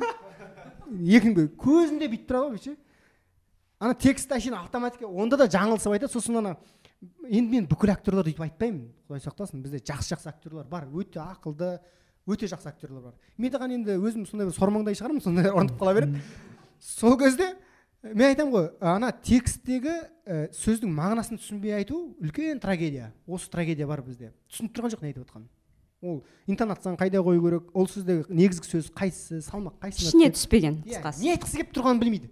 Текст айту керек болды. Сосын тез барып ана жаққа барып тойға барып ән айтып кету керек или жүргізу керек. Міне осы нәрсе бұл енді тек актерға қатысты емес. Ол ә, белгілі деңгейде режиссердің де басында болуы мүмкін. Менің өзімде де басында болған мысалы түсірілім алаңына дайындалмай келу бұған дейінгі фильмдерде раскадровка жасамау не ол керек. Біздің бір ауруымыз бар ғой мысалы. Академиялық білімді алмай ақ қоюға болады деген. Сол айтатынымыз тарантино. Бірақ біреуміз тарантино болған жоқпыз да. Бәрі айтады тарантино оқыған жоқ қой тарантино өйткен жоқ қой бірақ бәрі тарантино болған жоқ. Бірақ тарантино. Сондықтан ол ілуде бір болатын құбылыс шығар бірақ қалған адамдарға оқу керек іздену керек түсірілімге дайындықпен келу керек алдын ала іздену керек. Ар сахнадағы жаңағы ракурс камераларын сызу керек. Ол шоссе салынған жол. Енді сен істің барысында төте жолмен былай былай жүруіңе болады. Адасып жатсаң қайтып келесің деймін да жаңағы шоссеге сол сияқты ол ә, режиссер да дайындалып келу керек. Өйткені ол өміріңде сен түсіресің сосын бітті жаңағы қалады ол тарихта. Әйтеуір бір қалады. Мен мысалы кейін кейде бір түсірген фильмдеріңе қараймын да кәдімгідей ішім ашиды өйткені ол тарихта қалды ғой. Мына жерінде бүйту ұялмайсың ба? Иә мына өте ұяласың ғой. Ұялғанда қандай ұяласың ғой. Соны бүйту керек еді сөйту керек еді дейсің. Ә, бірақ та осының бәрі айналып келгенде жаңағы адамның өзінің ісін бір тиянақты орындамауында бұл режиссерға да қатысты актерға тіпті жаңағы ә, крафтқа да байланысты оператор бәріне байланысты. Жаңағы тұрмысты сана билейді деген бар ғой. Яғни ой сенде күнкөріс керек басқа керек жаңағы бір қысқа нұсқа бір жобалар келіп қалады оған ойың бөлінеді. Демек ә, сапалы дүние шығу үшін ә, жаңағыдай бытовуханы біраз уақыт. Иә. ұмыта тұру керек па құрбандықтар керек қой ол құрбандықтар жасамайды. Мысалы үшін жемқорды былай ақтап алуға болады. Бейшара енді жағдай болмағаннан кейін пара алды ғой. Енді қайтеді енді. Баласын оқуға түсіру керек үйту керек көлік алу керек. Адам ақтайын сақтай береді ғой. Мәселе сананы тұрмыс билейтіні рас. Бірақ ол ұдайы емес. Бұл шартты ұғым негізінде. Мысалы сен 24 сағат бойында 365 күні қалай асыраймын қалай асыраймын демейсің ғой. Сенің бір өмірің болады ғой сен жай жататын күндерің болады. Құр түк істемей сен өсек айтатын уақыттарың болады. Сол сияқты сен жақсы жұмыс істейтін уақыттарың мойындап жатыр. Болады ғой сондайлар иә? Мысалы асия болады ғой сенің басында ондайда лондонға қарап қиялдап жатасың паркте. Не істесем екен деп. Сол сияқты ол адам ол ақтай берсе ақтай береді. Дәл сол жұмысқа келген кезде сананы тұрмыс билейді деп іске жүрдім бардым қарау меніңше ол дұрыс емес. иә жаңа сен айтып жатрсың ғой кино жалпы визуал дүниелер енді тарихта қалып кетеді ғой. Яғни сен оны кейін өзгерте алмайсың. Ешқашан өзгерте. Иә. алмайсың. Мысалы сен кітапты қайтадан басып шығаруға болады. Иә? Иә екінші баспа деп өзгерте екінші баспа өзгертесің суретін неғыласың бірақ кино ол қалады өкінішке орай. Мм. Бірақ енді қытайда фильм түсірсең сәл басқаша болуы мүмкін. Өйткені мысалы голливудтың ә, фильмдері қытайдың аудиториясы голливуд үшін бір май шелпек та. Соған жеткісі келеді. Сол үшін таласады. Және сол үшін олардың жаңағы үш жолы бар ә, қытайға өтудің. Оның ә, бір жолы сен ә, қытайлық компаниямен бірге түсіру керексің. Ә, анау мысалы great wall солай түсірілді иә. Ә, содан кейін екінші жолы сен ә, жаңағы қатысушы ә, жұмыс тобының жетпіс бес пайызынан кем емесі қытайлық болу керек. Қытайда салық төлеу керек. Ә, сондай сондай. Бірақ айналып келген кезде ә, олардың жаңағы қытайға өтетін фильмдерінде олар мынандай қулыққа барады. Мысалы трансформеры ә, айронмен көрсек сахналар бар ғой қытайда өтіп жатқан. Соны ол сол қытай ә, бізге бір белгілі ғана бір кішкентай көріністерін береді. Ал қытайда соның жалғасы болады. Яғни қытайда өтетін бір сахналар болады. Иә. Yeah. демек ол екі екі нұсқасы болады да. Ана қытайлық нұсқасына бір жаңа эпизодтар қосады. Қытайлықтардың қатысуымен. Солай өткізеді бір жолы. Жалпы енді бұның бәрі айналып келгенде цензура ғой негізі. Мен ә, мысалы мен соңғы кездері мынандай бір мәселелерге қатты қайран қалып жүрмін. Мысалы сол голливудта қазір эмбер хырд соттан жеңіліп қалғаннан кейін акваменді сахналарын қиып тастап осы нәрсе істеп жатыр. Болмаса кевин, кевин спейсиге байланысты көп мәселелер болды.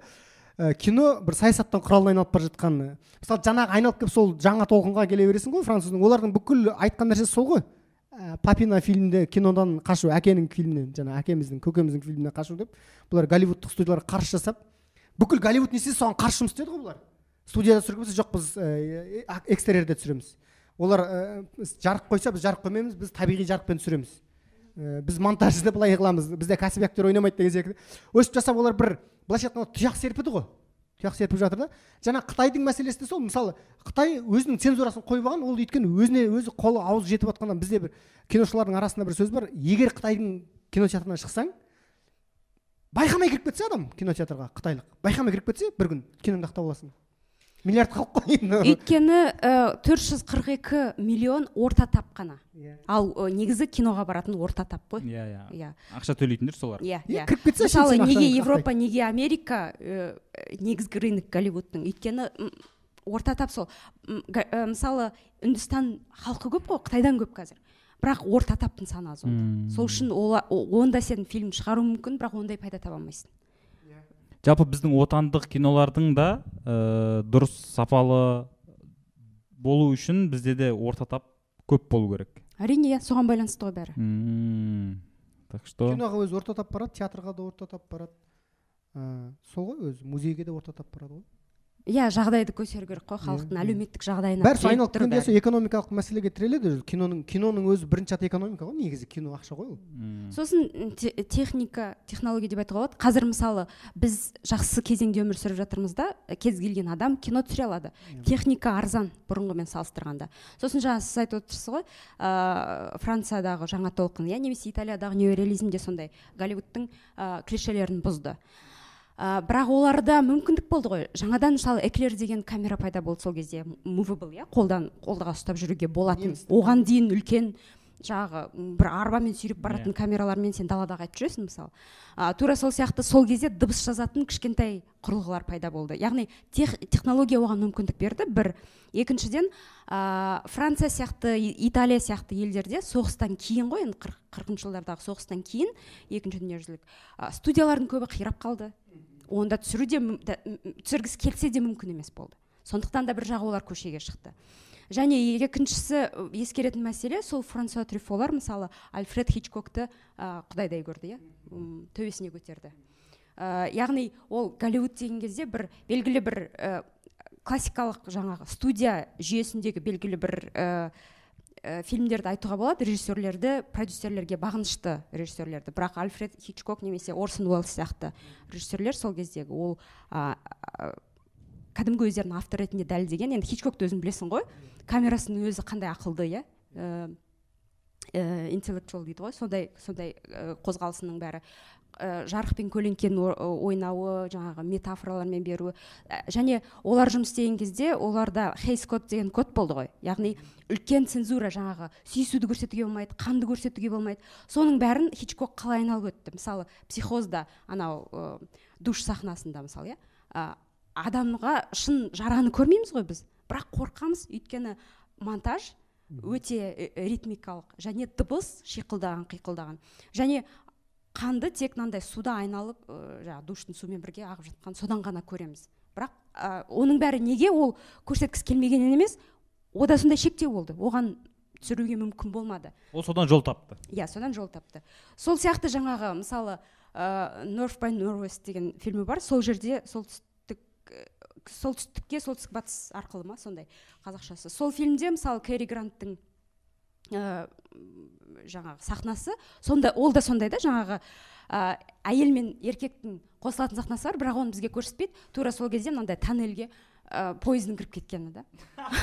Монтажбен беріледі. Яғни былайша айтқанда ол хулиган болды. Ол барлық жаңағы ережелерге бағынған жоқ. Өте қиялына еркіндік берген режиссер да.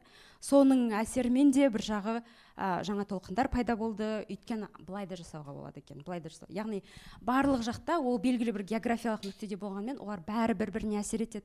Біздің әділхан ержанов біздің эмир байғазиндер ол ә, испанияда біреуге латын америкасында біреуге африкада біреуге кореяда біреуге әсер етіп жатыр қазір. Өйткені ә, өзіндік стилі бар визуалдық әсері мықты режиссерлер олар ылғи да жаңағындай таңғалумен таңданыспен әм, қызығушылық тудырады және ә, өздерінің соңынан жаңағы ер, ә, соңынан ерушілер табылады.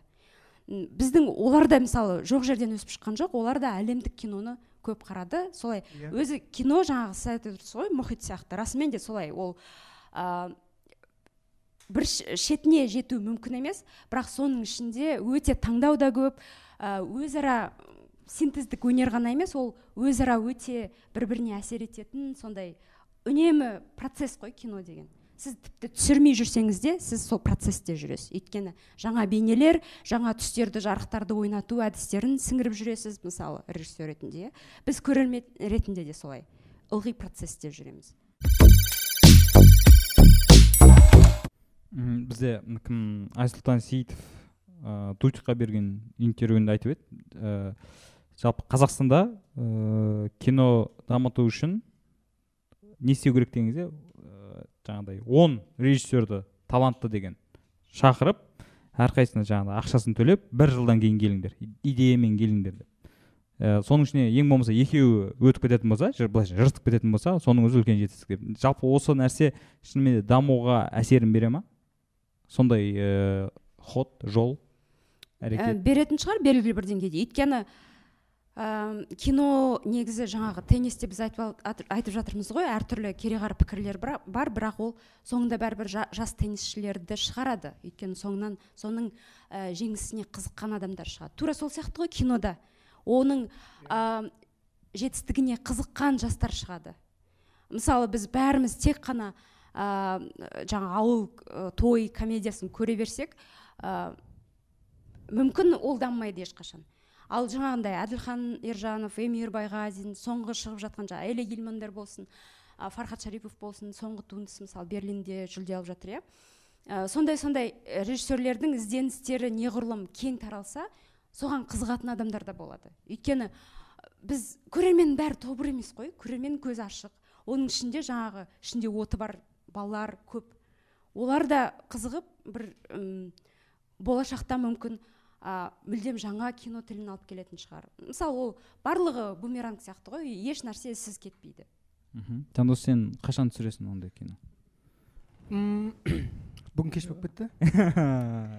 Негізі ә, кез келген ә, а, режиссер дейді ғой режиссердің өзінің бір ә, жолы болады ғой. Мысалы мен ә, қараңыз. Бәрін білемін.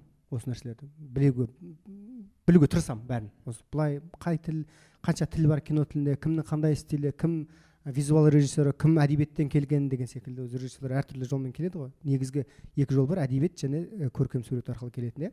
Бұның бәрін білеміз. Бірақ та ә, мен ә, георгий данелияның бір күшті қағидасын ұстанған адаммын жалпы. Мен білемін тарковский гений екен дейді. Бірақ маған оның жолы ұнамайды дейді. Ә, сондықтан ә, кино деген ол көзқарас қой. Режиссура деген көзқарас. Кино деген ол жаңа талғам. Сондай ақ бағанағы ә, жаңа толқынның өкілдері айтқан секілді ол жерде ешқандай шек жоқ шекара жоқ. Мысалы осы шек жоқ шекара жоқ деген ол алгоритмді ә, той жасап той туралы фильм жасап жүргендер де өзіне қолданып жатыр. Біз өзіміз білеміз деп жатыр да ол. Оған дауымыз болмау керек біздің. Бұл өнердегі ә, оның үстіне өз ақшасына иә жасап біз жатыр. өнердегі авторитаризм керек не бізге? Диктатураның бізге түкке қажеті жоқ. Ол әркім өзі біледі. Бұл жерде мәселе көрермен өз таңдауында. Ә, немесе жаңағы артхаус жасайтын фильмдер. Мен артхаустың бәрін жақсы көремін деп айтпаймын. Мен жақсы көремін бір екі адамдардың фильмдерін кәдімгі тәнті боламын. Мен тіпті даже мынандай адамдарды білемін. Голливудқа түсіретін бірақ артхаус түсіреді олар. Уэс андерсон меніңше артхаус түсіреді. Иә стивен содерберг ә, дэвид финчердің фильмдері. Иә мысалы қараңыз ә, ә, жаңағы кім асгар фархади мысалы ол артхаус түсіреді. Бірақ оның фильмдерін бәрі көреді. Бізден басқа. Бәрі көреді оны. Мен маған осы жол ұнайды. Мен осы жолға қатты ә, былайша айтқанда қызығамын армандаймын. Осы асгар фархадидің маджид маджидидің уэс андерсонның жолдары маған ұнайды. Вуди аллен маған ұнайды. Вуди алленнің бірде бір фильм мақтамаған деп айттым ғой енді матч пойнттан басқасы. Ол ә, сондықтан көзқарас мәселесі ғой бұл. Сосын сіз айтып отырған режиссерлердің әрқайсысында стиль бар иә. қолтаңба бар. Мысалы сіз оның фильмін мысалы мен уэс андерсонды тану үшін маған екі секунд жетеді. Даже бір секунд жетеді. Мен бір бір сурет көрсем кадрдан иә мынау уэс андерсон ғой деп бірден танисың. Өйткені оның бояуларды қоюы мизансценаны құру өзінің қолтаңбасы бар. Мысалы визуалды тілде уэс андерсон кубрик екеуі мысалы керемет. Болмаса мысалы монтаж мәселесіне мен ең тәнті болатын гай ричи мен эдгар райт. Монтаж мәселесінде Иә. керемет қой олар мысалы. Ә, болмаса жаңағы ә, сарказм мәселесінде мен вуди алленнен өткен сарказм емес ағайынды коэнтерден атқан сарказм мына юмордың ма- мастерлерін көрген жоқпын. Керемет меніңше менің талғамымда сондықтан ол бірақ менің талғамым біреуге ұнайды деген сөз емес қой. Енді фильм жасау мәселесінде де осындай. Енді бұл ұдайы ізденіс. Ә, бірде ә, мысалы мен мартин скорсезенің өмірін қарап отырсам мартин скорсезе енді басын тауға да тасқа да ұрған адам ғой негізі ана неге? Рейджинг булға дейін. Рейджинг булға дейін қанша фильм жасады? Мысалы сондықтан ол кез келген режиссер өзі бір жолын іздейді. Мәселе іздеуде талып қалмау шаршап қалмау. Бірақ жол табылады деп ойлаймын.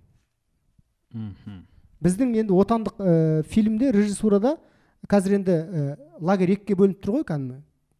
Кәдімгідей бөлініп тұр ол жаңағы коммерциялық фильм және ешкім көрмеген ешкім әлі кино. отандық иә мойындамаған авторлық.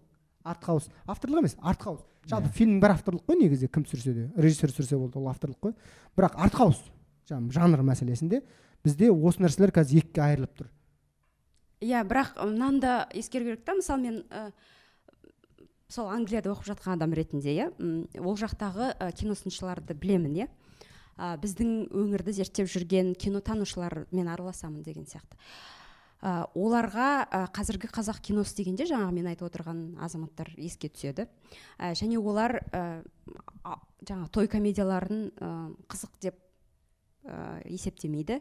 Ә, және сіз қазір мысалы қазақ киносы туралы кітаптар шығып жатса батыста немесе мақалалар жазылып жатса гардианда немесе басқа бір басылымдарда а, ол сол ә, жаңағы артхаус фильмдер туралы болады. Неге? Өйткені олар ә, жаңағы біз айтып отырған киноның визуалдық тіліне өзіндік қолтаңба әкелген бір үлес қосып бір жаңалық ашқан немесе жаңалық ашпаса да өзіндік міне мен осындаймын мен басқалардан өзгешемін деп өзін жаңағы заявить дейміз ғой солай көрсете алған режиссерлер қызық. Ал енді той комедияларының мақсаты да ол емес қой. Ол жай ақша табу. Және олар өздерінің мақсатына жетіп жатыр. Мынау а, артхаустық кино ол да өз мақсатына жетіп жатыр. Мүмкін оның жолы ауырлау бірақ соңында жаңағы тарихта қалады деп отырмыз ғой. Ол кітаптарда оқытылатын келешек режиссерлердің көкжиегін кеңейтетін сондай фильмдер. А оны мойындау керек. оларға енді қаржыны кім береді сондай кино түсіру үшін? Ә, көбісі енді қазақ фильм негізі беретін бұрын қазір білмеймін қалай жаңағы өздері бөлініп бірдеңе болып жатыр ғой қазір. Бірақ ә, негізінен қазақ фильм береді ол бірақ таратуға көмектеспейді иә.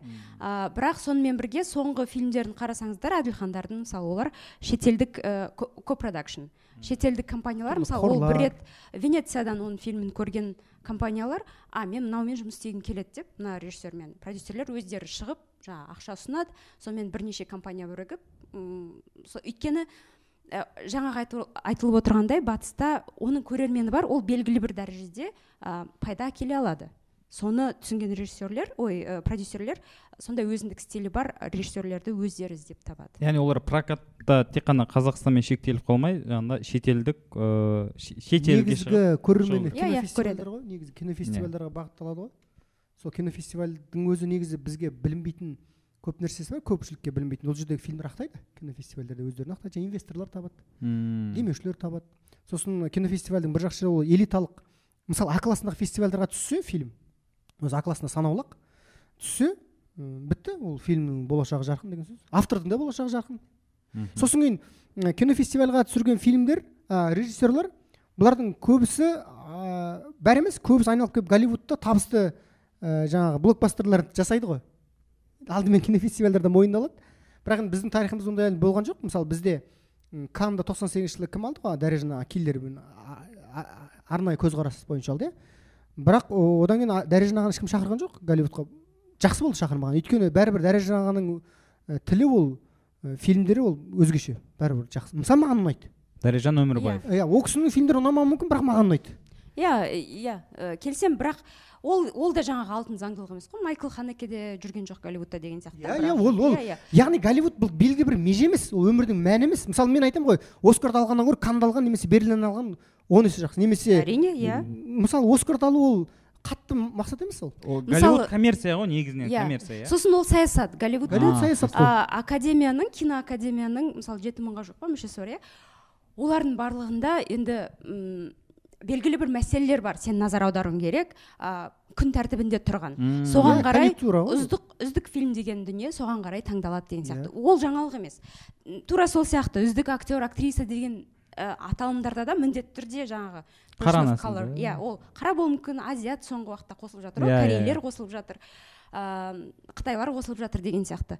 Яғни сондай ақ емес басқа әм, жаңағы нәсіл өкілдері болу керек. Оның барлығы сондай бір есептеулермен жасалады. Ә, сондықтан осы ә, вашингтон университетінде сабақ беретін профессор питер ролберг деген кісі бар. Ә, сол кісімен енді байланыстамыз. Ә, шығармашылық. Сол кісі мысалы айтады мен түсінбеймін неге қазақ киносы жалпы қазақ қоғамы оскар алумен сонша ауырады деп ол ол не үшін оларға керек? Иә. Оскар деген ол бір уимблдон алып жатырмыз нені алып жатырмыз оскарды ала салайық та енді? Беріп жатқан соң алайық ол бірақ негізінде меже болмау мен мен бірдеңе айтайын ба? Жалпы біздің қазақстандық қазір қазіргі жағдайда оскар алу кан алу өте тиімсіз. Каналы Аха. тиімді. Меніңше тиімсіз. Неге дейсің ба? Неге? Бағасы қымбаттап та ешкім шақырмайды оны. Ол канды алған ол оскарды алған деп ешкім жұмысқа шақырмайды. Актерларға байланысты айтып отырмын. Қорқады өйткені бізде самал сол жұмыс істеп жүр ғой? Бізде ә, самал енді мен жеке қатты ішке кірмей ақ қояйын бірақ мен білемін негізгі қиын жағдай екенін. Сондықтан ол бізде айттым ғой бізде индустрия ондай деңгейде емес кері реакция болады да. Ойбай ана ойбай ол жұлдыз ғой ол. Ананы шақырайын десе продюсер айтады ей қой оны шақырма оны гонорар миллиард миллион тұрады неге? Оны канн алып кел немесе оскар алып келді мысалы. Немесе оны мемлекет өз қорғауына алады да ұлттық музейге қойып қояды сондықтан бізде киелі мынау деп. бізде ондай үлкен жүлде алып келгеннен кейін бір ақ жол бар. Сен депутат болып кетуің керек. Басқа күн көре алмайсың менің ойымша. Сондықтан ал енді режиссерға немесе қандай да бір фильмнің продюсеріне оскар алып келу кан алып келу ол жақсы ғой. Бірақ оскар алу ол ешкім бас тартайын деп тұрған жоқ берсе. Мәселе оған бола өлу туралы ғой. Оған бола жаңағы түнде жатып мен баяғыда бала кезімде индияға барсам екен индияға барсам екен ұйықтайтынмын да не үшін барғым келетінін білмеймін өзім. Әлі барған жоқпын. Сол ұқсап оскар алсам екен осы керек жоқ ондай нәрсе. Негізі ә, совет киносына қарап тұрсақ бәрібір олар бір тар құрсауда болды сол кезде цензураның көкесі сол кезде болды. Бірақ бәрібір халықтық фильмдер көп шығарды ғой совет фильмі қанша дегенмен де. иә. Қалай десеңіз де совет киносы бұл біздің балалық шағымыздың бір бөлігі. Мен үшін ма- маған ұнайды совет киносының. Жалпы совет киносы ол әлемге монтаж мәселесінде кулешов мысалы қаншама жаңалықтар алып келді. Эйзенштейн. Эйзенштейн мысалы бір анонсыз Пот- потемкин. Мысалы осы фильмдердің бәрі бәрібір революция ғой. Бірақ жандос мәселе мынада ғой. Мысалы совет одағы жаңадан орнаған кез жиырмасыншы жылдар. Ол үлкен жаңалық әкелді фа, жаңа формалисттер пайда болды иә. Ә, өйткені ә, олар аңғармай қалды олар ойлады жаңағы ә, большевиктік социалистік сұмдық ә, авангард идея ғой. авангард идея соған сенді бірақ Иә. ол ұзаққа созылған жоқ. Қалай мысалы ленин ә, кетті. Сталин билікке келді мүлдем конъюнктура өзгерді. Ә, формалистердің бәрін қудалады. Соцреализм деген ә, пайда болды. Ә, және соның құрсауында мысалы соның кесірінен қанша адам зардап шекті иә? Режиссерлер ә, бүкіл шығармашылық адамдары түрмеге қамалғандар болды жазықсыздан жазықсыз. Өте көп ә, шеттеу көрді. Ол, ол бір жақсы кезең еді деп енді былай ым, кинотанушы тұрғысынан мен айта алмаймын да. Бірақ ә, мысалы сол отыз отыз қырық мысалы жиырмасыншы жылдары келген формализмді өлтірді. Кеңес одағы сол жаңадан пайда болған дүниені өлтірді. Ә, олардың түсір мысалы үлгі деп көрсеткені чапаев. Осылай түсіріңдер. Біздің амангелді сол Иә, үшін пайда болды. Сухой батыр. Сол үшін пайда болды. Иә иә. Сондай мысалы бірақ ол жерде жаңағы ғой ол жерде соцреализм ол жерде шын адам жоқ, күрделілік жоқ. Ол мен айтып болайын. Ол жерде адам ә, жақсы не жаман деген адам әркім бойында сіз позитив емессіз ғой негатив та бар бойыңызда. Тура мен де сондаймын. Адам сондай адамды көргісі келеді. Ал совет одағының геройлары олардың барлығы ә, минусы жоқ негативі жоқ сондай ә, жаңағы музейге қоятын кейіпкерлер еді. Тек ол қай, қашан өзгерді? Ә, сталин өлгеннен кейін елу үшінші жылдан кейін бір өзгеріс пайда болды да алпысыншы жылға қарай ә, жылымық болды. сол кезде жаңа тарковскийлер пайда болды. Сол кезде біздің ә, қазақ бейнелеу өнерінде де бір жаңашыл ұлттық ә, тамырымызға оралу деген мәселе пайда болды. Сол кезде біздің режиссерлер шәкен аймановтардың өздері ә, ұлттық ә, тамырға оралу мүмкіндігін алды. Демек біз ә, сол бір қарағанда бір адам ғой сталин деген. Ол қаншама халықтың ә, ойлауына әсер еткен жұмыс істеуіне әсер еткен. Соған дейін ә, елу үш тіпті алпысыншы жылдарға дейін ешкімде бір ә, шын мәнінде өзі қалаған немесе өзінің ұлттық табиғатын көрсете алатын фильм түсіре алмас еді. Міне мен сондықтан айтып отырмын совет киносын екіге бөлу керек. Сталинге дейін және сталиннен кейін. Айтқан сталиндегі аралық мен соны айтайын деп едім сөзімді бөліп жіберді ғой жаңа ұрысты ғой маған. Негізінде міне қара сол сталинге дейінгі кезеңде ә, жаңа эйзенштейндер жаңа ә, барановский потемкинді туды бояйтыны қызылға ә, мысалы осылардың бәрі жаңалық алып келді ғой. Бірақ та менің айтқым келіп отқаны сталиннен кейінгі жаңағы жылымықтан кейінгі кезеңдегі режиссерлар бәрібір халықтық кино түсірді. Үлкен цензураның ортасында болды. Ол кезде цензура болған жоқ айтамын. Цензура болды. Жалпы совет одағы ол өнерге әрқашан цензура жасаған мемлекет. Соған қарамастан әлемдік кинода халықтық кино деген халықтық мысалы лирикалық комедия деген нәрселер сол кезде шықты. Неден шықты? Оның бәрі не мынау не фильм? Комедия. Неге күлкілі емес? Өйткені лирикалық деген сөзден кейін шықты ғой мысалы үшін. Осындай нәрселердің бәрі бәрібір цензураның төңірегінде болды. Мен айтайын деп тұрғаным жалпы халықтық фильм халықтық фильм. Ол жаңағы бастағы әңгіме оскардан да жоғары одағының несі емес қой? Э, оскардан қалай? кеңес одағының инвеншн емес қой? Ол халықтық комедия болливудта да бар Жоқ. голливудта да бар. Ол кеңес одағы бәрібір кеңес одағы бұл жерде мен кеңес одағын ешқашан жақтап тұрған жоқпын. Ол цензура қойды ғой. Ол қозғаушы күш конфликт қозғаушы күш деген бір заңдылық бар ғой өзі. Ол конфликт қойды. Конфликттен кейін қозғаушы күш те пайда болды да жаңағы өзің айтқан ә, цензурадан ә, жолдар тапты. Қандай мастерлер шықты да қандай халықтық фильмдер шығарды. Тағы да түйіндегім келіп тұр. Халықтық кино қазіргі жерде қазақстанда халықтық кино бұл кез келген шетелдік сыйлықтан артық. Бірақ шетелдік сыйлықтар болмасын деген сөз емес. Осы жер- осы жерде мағынасын бізде бір мына шеттен мына шетке өтеді да анау жаман мынау жақсы. Анау ондай жоқ. Халықтық кино жақсы анау да жақсы. Бірақ халықтық киноға басымдық берсе де жақсы. Ол халықтық кино деген бірақ той емес. Иә кино әртүрлі. Мысалы мен той комедиясына да бір ә, шектеу қойып түсіртпей немесе кинотеатрға жібермеңдер деп айтуға қарсымын да. Ә, кино әртүрлі болу керек. Ә, бәріне мүмкіндік бар. Ә, бәріне мүмкіндік берілу керек енді кемі дегенде. Және көрерменге неғұрлым көп Таңдау. мүмкіндік таңдау болса соғұрлым ол өседі. Ал салыстыратын дүние болмаса ол қалай өседі? Мен осындай таңдау дейді сондай сөздер қосып отырамын басқа уақытта. Иә, үндемей. Иә иә иә иә енді ііі ұзақ сөйлеп кеткен жоқпыз ба? сондай болып отыр ма? Жоқ бір ұйықтап алсаңдар болады. Бізде антракт десең бізде ол әңгіме бітпейді. Айта береміз. Жандос екеуміз шай ішіп төстіп айтыса береміз. Әңгімелесе береміз біз бітпейді әңгіме. Не а ақша сұрамасаңыз болды қалған нәрсені сұрай беріңіз. Жоқ отырып отырып қоя бер иә.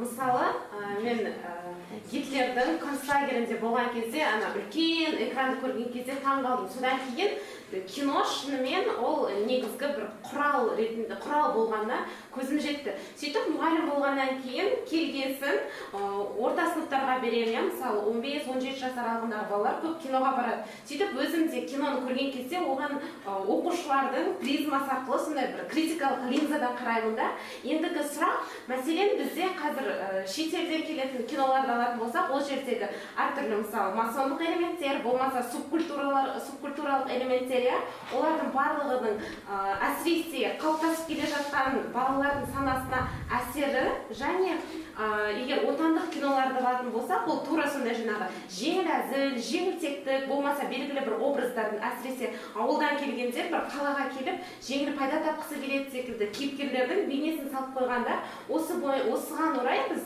ә, киноны түсірген кезде осындай аспекттер ескеріледі ме? Бұдан бөлек ә, кинопрокатқа ұсынылған кинолар мысалы шетелдерде ол 18 жастан бастап көрсетілсе қазақстанда ол белгілі бір коммерциялық мақсаттардың ықпалымен 16 тіпті 12 жастан бастап та көрсетілген кездері болған. Осыны негізі ә, қан- қандай? Кім бақылайды? Кімдер бақылайды? Иә оны кім бақылау керек? Осы екі екі кісі ғой бақылайды. Әсия бақылайды әсия айтшы. Негізінде жаңағы сіз айтып отырған әсіресе жасөспірімдерге жастарға әсері балаларға деген сияқты ол кино қалай пайда болды? 1896 жылы алғаш кинода емес қой ол кішкентай бір минуттық бір сюжет қой. Сол пайда болған сәттен бастап а, 1900 бір төрт жылдың арасында сол проблемамен америкада да ұлыбританияда да еуропа елдерінде көп адам айналысты. Тіпті сол 1910-20 жылдары үлкен зерттеулер жасалды. Не көрсетіп жатырмыз? Бұл әсіресе біздің балаларға мектеп оқушыларына қалай әсер етеді деген. Сол зерттеулердің ә, нәтижесі негізінде кино ол ә, жаңағы кейбір әдеттерді қалыптастырады. Бағанағы айтылған темекі шегу сияқты иә немесе киіну стилі өзін ұстау стилі. Мысалы жаңағы өзінше бір күшті болып көрінгісі келетін жігіттердің анау қара ә, аудандар туралы фильмдердегі сияқты бүйтіп отырып сөйлеп сондай бір қолдан жасанды қылықтар істейтіні оның барлығы сол ә, фильмнің киноның әсері. Ол сондай деңгейде әсер ете алады бірақ ә, түбегейлі түрде мысалы ә, жақсы баладан қылмыскер жасап шыға алмайды. Енді ол былай көп әлеуметтік зерттеулер арқылы солай нәтижесі солай болған. Енді ә, одан кейін мүмкін өзгерген де шығар одан бері көп уақыт өтті ғой. Бірақ айтайын дегенім ол о баста кино пайда болғанда сонымен бірге пайда болған проблема. Ә, және ә, олар оны қалай шешті? Киноға жаңағы рейтинг беру иә? Мысалы 12 жасқа дейінгі көрермендерге арналған жаңағы көруге болмайды. Universal барлығы көруге болады жаңағы 16 жастан жоғары деген сияқты. Сондай шек, сондай жастық шектеулермен қана ә, оны ә, реттей аласыз. Ал басқаша жолмен реттемек болсаңыз онда сіз ә, қытай коммунистік партиясына айналасыз да? Онда онда ол цензураға айналады. Лгбт мәселесі ше мысалы қазіргі базлайтердің өзіне қатысты кереғар пікірлер. Сосын соңғы мысалы доктор стрэндж болсын тор иә осы соңғы екеуінің өзінде де осы элементтер бар. Бұған ол элементтер жоқ ә, кино жоқ қой енді. Әсіресе голливудтық немесе батыстық кез келген авторлық фильмдерде де ондай э, болады. Енді кез келген емес көбісінде. Өйткені ол ә, сол қоғамдағы маңызды мәселе ол. О- олар ә, мынандай әйелдің орны мысалы о бастағы негізгі проблема ә, қара нәсілді құлдардың орны қандай дегеннен басталды иә? А, сосын олар шешімге келді келісімге. Дұрыс иә қара нәсілді адамдар да адамдар екен олар жаңағы маймыл тектес басқа бір жаратылыс емес екен. Біз оны мойындаймыз бізбен тең екен деген келісімге келді. Одан кейін әйелдер шықты. Е енді сенің қара адамың сен сияқты болса онда мен неғып сен сияқты емеспін? Жаңағы ер адамға иә? Ақ нәсілді ер адамға ақ нәсілді әйел адамдар ә, қарсы өзінің претензиясын қойды. Мен не- неге сенімен тең емеспін? Одан кейін жаңағы басқа ориентациядағы адамдар олар шықты. Ей сен қараны мойындадың әйелді мойындадың мен неге шеттетілуім керек? Ә, содан кейін ә, қоғамда әлі күнге шейін ол ә, тартыс жүріп жатыр. Бірақ батыста ондай адамдарға өмір сүру өте оңай. Өйткені қоғамда сондай түсінік бар және олардың өмірін жеңілдету үшін де осындай фильмдер көп түсіріледі. Ә, егер де сіз жаңа ұлттық менталитет тағы басқа деп бізде көп айтылады ғой. Сондай ә, призмамен қарасаңыз онда шекараны жабайық ондай фильмдерді өткізбейік. Ә, қазақ үйге оралайық ки- киіз үйде отырайық. Білмеймін енді басқа қандай шешім бар. Сіз ол ол ол қоғамдарда үлкен қазіргі проблема болып тұрған мәселелерді сендер айтпаңдар деп біз оларға айта алмаймыз. Өзіміз сатып алып отыр, барып отырмыз сол фильмдерге. Енді оларға оларды жаңағы шекарамыздан кіргізбей қоюдың жалғыз жолы ол қытай сияқты жасау. Ол қытай жаңағындай белгілі бір шарттар қояды. Бірақ қытайдың олай жасауға мүмкіндігі бар. Өйткені 442 миллион орта тап ә, халқы бар. Ал бізде ондай ә, шетелдің ауди- жаңағы кинокомпаниялар бізге арнап жаңағы лгбт проблемасын алып тастап кино бір кесіп тастап эпизодтарын бізге ғана арнап түсіретіндей бізде ондай роскошты өзімізге рұқсат ете алмаймыз. Өйткені бізде ондай тұтынушының саны жоқ. Яғни біз соны пайдаланғымыз келсе онда онда соны тұтынамыз. Енді басқа амал жоқ қазір. Біз он ондай дәрежеде ықпалды емеспіз иә? Әрине иә. Мысалы үшін ә, біз жаңағы түнгі студия жобасын жасап жүрген кезде ә, оған альтернатива то есть қарайтын тағы бір дүние вечерний ургант бар. Ол жаққа әлемдік жаңағы голливудтық жұлдыздар келеді. И бізге көрермендер сұрайды «Да, неге шақырмайсыңдар деп. Мен айтамын вечерний ургантта шақырып жатқан жоқ. Оларға просто әлемдік премьера бойынша ана жұлдыздар оңтүстікте келеді. Москвада 16 миллион халық тұрады. Сондықтан біз де бір қаламызда миллионға жетер жетпес оның бәрі кино қарамайды деген сияқты. Сондықтан бізбен біз оларға әшейін Иә. жер үлкен мемлекетпіз ғана ғой сонда. Иә мысалы менің ә, ә, дос қызым лондондағы ол хорватиялық иә. Ол кішкентай бізден де кішкентай ә, маркет иә. Олар ешқашан хорват тіліне дубляжданған кино көріп көрмеген. Мен бізде орыс тіліне қазақ тіліне дубляждалады десем таң қалады. Сондай бар ма әлі деп. Оларда олардың аудиториясы ешкімге қызық емес ол кішкентай ғана халық қой. Сондықтан олар сол жаңағы субтитрмен көреді барлық фильмді солай үйренген. өздерінде кино иә бар ма? өздерінің кинотеатрларында Жоқ. голливуд фильмдерін А. сондай субтитрмен көреді және оның бір жағы мысалы Ағылшын тілін иә. үйренуге көп септігі тиеді. Сол сияқты ғой енді қысқасы айтып отырғанымыз біз нарық ретінде болғандықтан ол кино нарық қой. Енді біз қанша одан алыстауға оны мойындамауға болмайды да. Жандостың өзі де біледі ғой ішінде жүр. Біз енді соған тәуелді болып тұрмыз. Ал егер де біз қытай сияқты жаңағы өзіміздің халқымыз болса немесе индустриямыз болса мықты. Қазір соңғы жылдардағы 2021 жылғы ең дүниежүзі бойынша көп бюджет жинаған фильм ол голливуд фильмі емес қытай фильмі.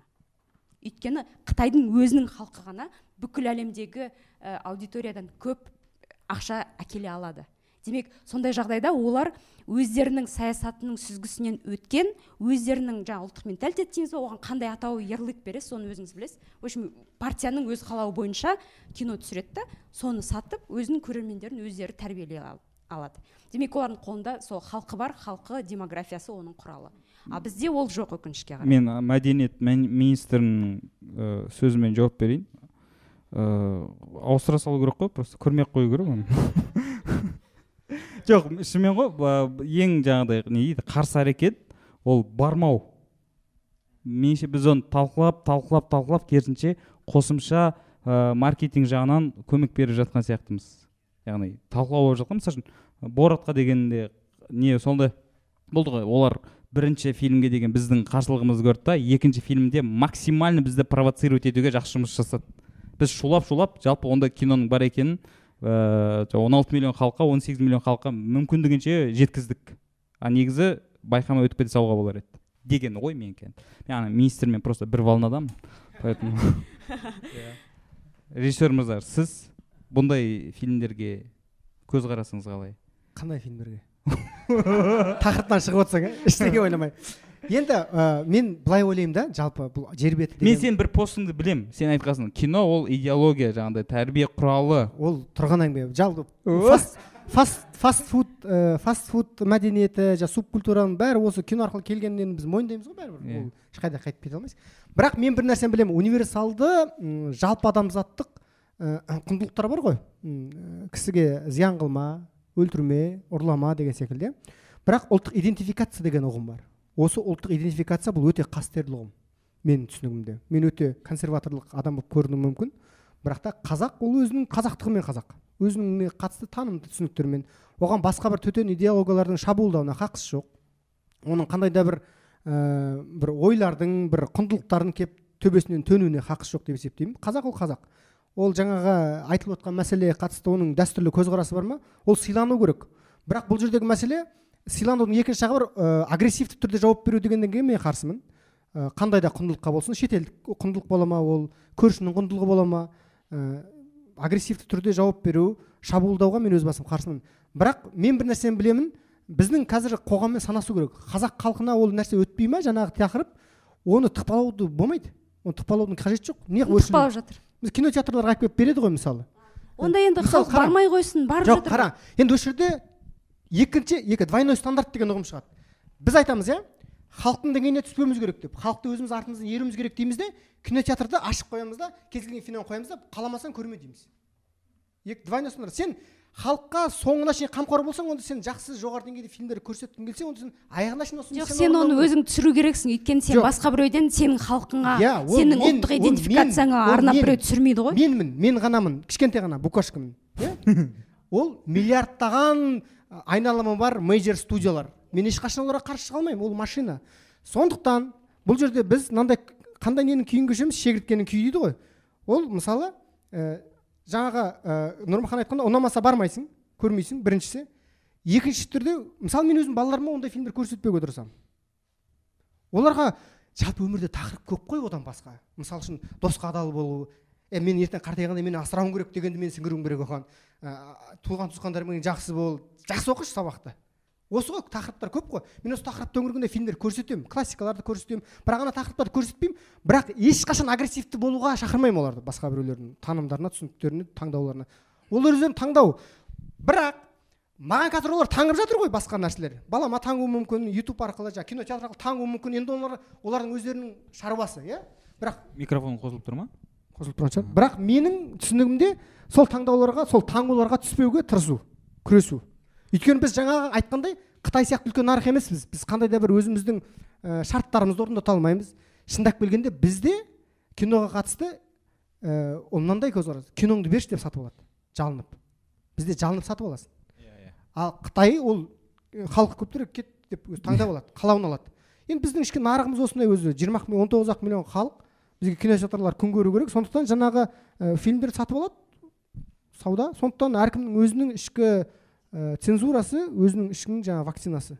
Ұлттық вакцинасы болу керек деп есептеймін. Иә сосын негізі ә, білмеймін қай жерге барсақ та осы сұрақ алдымыздан шығады да. Бір бір журналистика туралы өткенде бір кездесуде болдым. Сол, сол тақырып алдымнан шығады. Кіммен сөйлессең де қазақстанда осы аудиториядан сол сұрақ бірінші келеді. Сонда мен ойлаймын бізде қазақстанда сол лгбтдан басқа проблема жоқ па? Жоқ жоқ. Шешіп қойдық оны оны біз айтқан сайын жаңағыдай Иә. ол а, назар аудартады ғой. жоқ бұл жерде былай болып тұр ғой. ол айтқан сайын иә өзі жалпы кез келген нәрсемен осы нәрсемен ашық күресу оны өршелендіру ғой. Негізі жаңағы бейжайлық қой бейжайлық.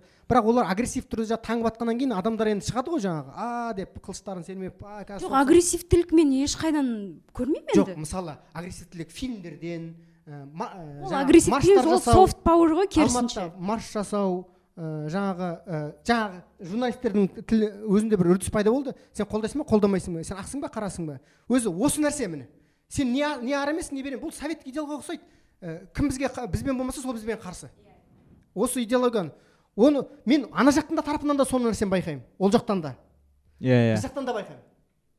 Сен өзің өміріңді сүре берсейші неғыласың сен өзіңнің таңдауыңа жақсы. Сосын өмірде әсіресе біздің қазақ қоғамында өте маңызды экономикалық саяси әлеуметтік көп проблемалар бар да.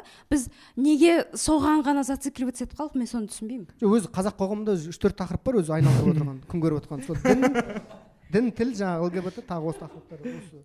Не ғой біз әлсіз әлсіз точкаларға ұрғанды жақсы көреміз ғой. Басқа то есть ол, ол үшін спрос қатты болмауы мүмкін да. Если ә, егер мына америка қоғамында болса ол, ол тарапқа бағытталған әрбір сөз үшін сен жауап бересің. Немесе карьераң тоқтап қалуы мүмкін. Ал бізде ондай проблема болмай тұр ғой. Поэтому ұрып алайық деген әңгіме ғой. Ұрып алайықтың басқа мағынада деп жатқанмын ғой мен әңгіме жағынан бір бір соққы жағын айтып жатырмын да. Иә. Ә, жарайды жаңағыда саяси деп жатырмыз ғой. Бізде мысалы үшін саяси бағыттағы м, саяси тұлғалар жайлы ма біз өз санаулы кинолар бар. Ә, соның бірі ә, назарбаев туралы кино эпопеялар. Жалпы ондай киноға деген көзқарас қандай болу керек? Кинотанушының ойы пікірі. енді мысалы сталин кезінде сталин кезінде өзі туралы түсірткізді иә. Ә, гитлер кезінде де болды. Ә, кез келген енді белгілі саясаткерлер туралы фильмдер түсіріледі. Енді білмеймін мәселе бұл жерде ә, жаңа тарих қой. Осы ол фильмдер осы біз өмір сүріп жатқан дәуірдің келбеті ғой. Біздегі биліктің келбеті. Ә, ол қандай болды? Біз сол фильмдерге қарап ә, мысалы ә, дінмұхаммед қонаевқа қандай интерпретация жасады ол фильмде? Мм. соған қарап біз осы дәуірдің ә, осы дәуірдің ғана емес осы осы дәуірде билікте отырған жаңа жүйенің биліктегі топтың ә, табиғатын сол фильмдерден танимыз. Сондай бір ә, функциясы ғана қызық маған. Ә, ал жалпы ол енді біз ойлап тапқан дүние емес жаңағы айтылғандай көп авторитарлы қоғамдарда ол норма. Сол үшін жаңағы ә, фильмді идеология деп отырмыз ғой біз қанша қашсақ та ол солай болады. Кімнің ақшасын алды? Со, соның ә, музыкасына билейді дегендей ғой. Ә, сондықтан енді білмеймін бізде одан да тағы бір маңызды мәселе бар. Мысалы айталық ә, соңғы уақытта ұлы дала таңы жаңағы тарихи фильмдер түсіріледі ғой бізде. Мен білемін кейбір ә, қазақстандық киносыншылар бар әсіресе орыс тілді олар сол фильмдерге мысалы ә, түбегейлі қарсы иә? Ә, өйткені Иә. оларға ой сонша ақша кетті не керегі бар? деп ойлайды. Бірақ мысалы ана украиналық ә, олег арестовичтің бір сұхбатын қарап отырсам ол енді аса жақсы білмейді бізді. Ә, бірақ қазақстан туралы айтқан кезде ол айтады ә, осы ә, тмд кеңістігіндегі өзінің ұлттық жаңа сіз айтып отырған identity мәселесін шешкен ә, сол бағытта мемлекеттік тұрғыдан жүйелі түрде жұмыс істеген жалғыз ел қазақстан деп. Оны ол неге сүйеніп айтып отыр? Сол біз бәріміз кезінде сынаған көшпенділер содан басталған осындай ә, қазақтың ұлттық идентификациясын танытуға бағытталған фильмдер тарихи фильмдерді әсіресе ә, сол сол ә, лекті қарап айтып отыр. Өйткені ә, расымен де біз қанша енді сынаймыз ә, бірақ дегенмен де қалай болғанда да ол ә, әсіресе біз сияқты тарихын қағазға жазып архив сақтамаған сондай халық үшін ауызша тарих ә, дамыған халық үшін ә, оны визуалды түрде бекітіп қою өте маңызды. Мм. ұлттық идентификациямыз Құжат үшін құжат, иә иә өте маңызды. Өйткені ә, тіпті мысалы біз ә, әлемдік тарихты оқы- оқығанмен өте терең оқымаймыз ғой. Бір никола макиавеллидің әмірші деген кітабы бар. Сол ә, кітаптың аудармасына редакция жасағаным бар. Сол кезде ә, мен таң қалдым. Қалай киноның әсері адамға? Мен ол жерде италияның кішкентай мемлекеттері қала мемлекеттері туралы билік сондағы билік туралы айтады ғой. Мен сол кезде көз алдыма бәрін жаңағы магнифисент медичи деген ә, сериал бар нетфликсте соны көріп алғанмын ғой. Сол жердегі кейіпкерлердің бәрін танып ана жерде а мынау анау ғой ана актерлердің түр, ә, келбетімен елестетіп отырмын. Яғни мен сырттан келген адам ретінде ә, медичиді де ә, жаңағы басқа да сол жердегі рим папаларын да бірін бірі ауыстырған солардың барлығын сол актерлердің келбетімен елестетіп отырмын. Сол сияқты бізге сырттан келген адам жаңағы қасым хан жәнібек хан дегенде қазіргі біздің актерлердің келбетімен елестетеді. Яғни визуалды түрде олар мысалы біз- біреулер біздің тарихымызды жоққа шығарғысы келсе ә, жаңағы сырттан келген мысалы қатардағы адам жоқ ол шын тарих қой деп айта алады. Өйткені оның көзінде визуалды дәлел бар. Ал енді таза кинотану тұрғысынан әрине оны зерттейді. Жаңағы нейшн мейкинг дейді ғой. Ұлтты мемлекетті жасау Қалыптастыру, процесі. Және ол кәдімгі расымен де жүйелі жұмыс. Және сол тұрғыдан мысалы маған сондай фильмдер немесе жаңағы авторлық фильмдерде де барлығында ол бір а, марс тура, туралы емес қой қазақстан туралы ғой. А, осындағы қазақ а, идентификациясы туралы. Ол қаланың қазағы бола ма ауылдың қазағы бола ма біз енді әлі күнге шейін мен кейде күлемін ана. Біздің фильмдер не қаладан ауылға қашып бару туралы не қаладан ауылдан қалаға қашып бару туралы. Сол екі ортада жүреді. Сосын бірақ- үйлену сол сол қашып иә иә сол қашып барып үйленеді ғой енді иә. Той жасайды сол тіпті авторлық кино, фильмдерде негізі көбісі сондай дүниеге құрылып жатады. Сондықтан айналып келгенде бұл кино деген ұлттық иде- идентификация ғой. Ә, сондықтан назарбаев туралы фильмдердің олардың өзіндік функциясы бар. Ол тарихи функциясы ол биліктің ә, бет бейнесін көрсетеді.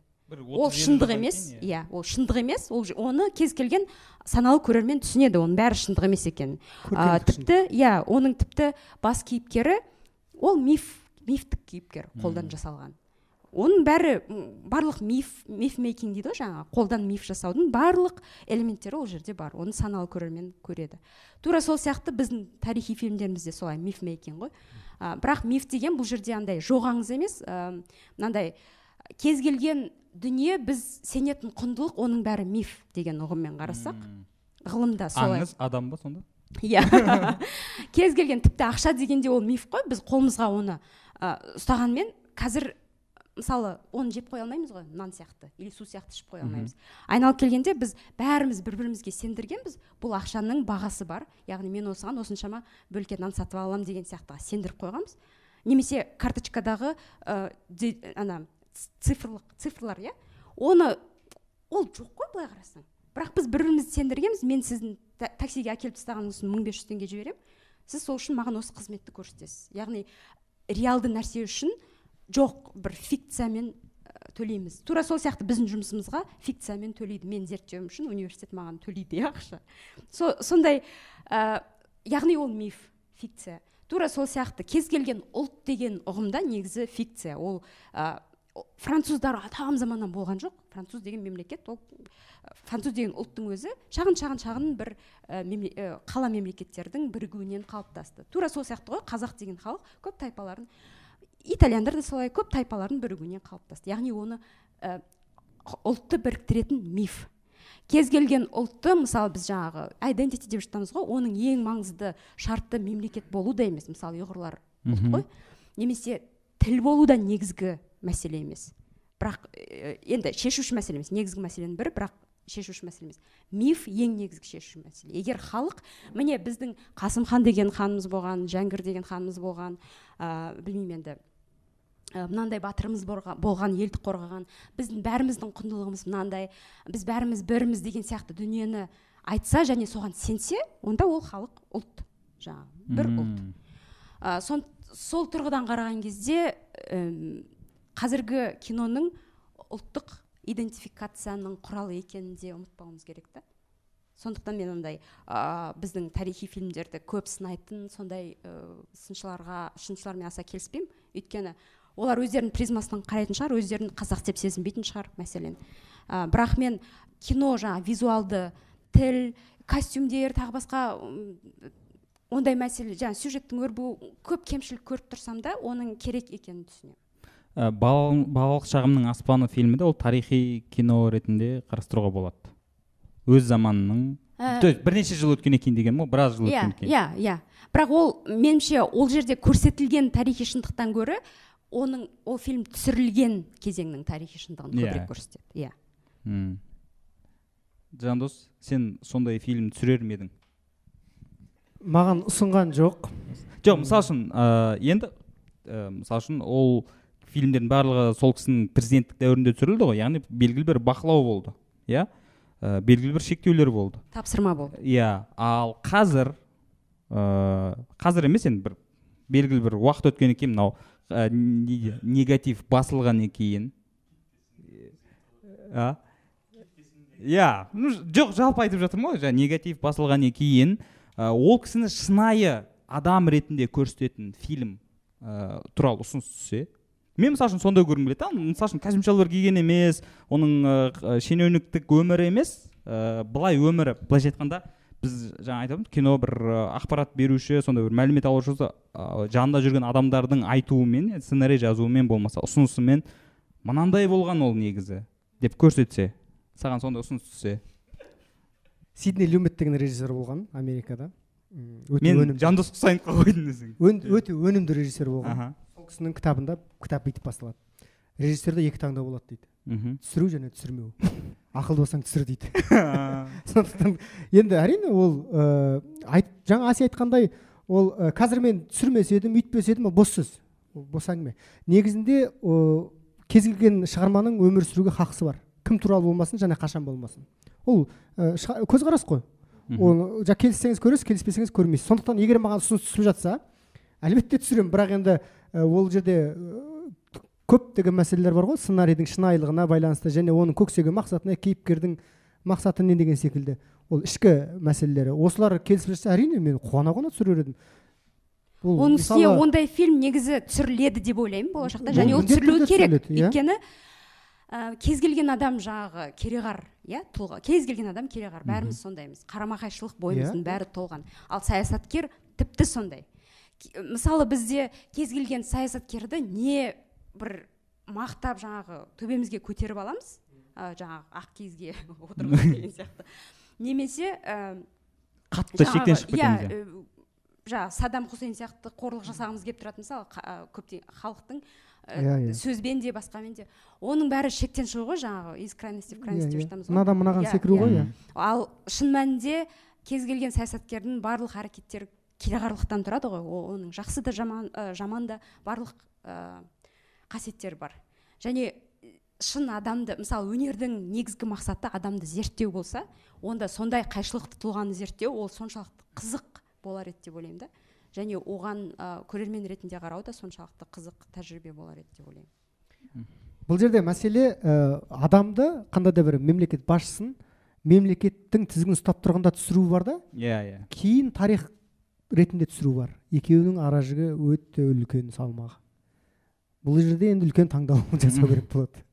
Жоқ мен өзім жалпы көрермен ретінде қазіргі ситуацияда то есть қазіргі ситуацияны көрсететін саяси жағдайларға байланысты ол көргім келетіні қазақстанда. Ә, карточный домик сияқты бір сондай сериал болса М, біздің шеу- ә, биліктегі өмірді көрсететін. Және ә, биліктік билік дәуірінен кеткеннен кейінгі жаңағыдай кино көргім келеді да мысалы үшін иә. Ол кісінің тікелей ықпалы жоқ кезде ә, қалай біз оны ә, адам ретінде ә, көргіміз келеді? Мысалы үшін ол жаңағы болады міндетті түрде түсіріледі ол. Өйткені үлкен бәрібір тарих үшін белгілі бір кезең үшін ә, жаңағы ә, не дейді ғой? Рейтингісі түсуі мүмкін жоғарылауы мүмкін бірақ тарих үшін бәрібір тұлға болып қала береді. Кезінде мысалы көптеген тарихта ә, көшбасшылар болды ғой сол наполеонды өзінің елі мысалы үшін жек көрген кезінде.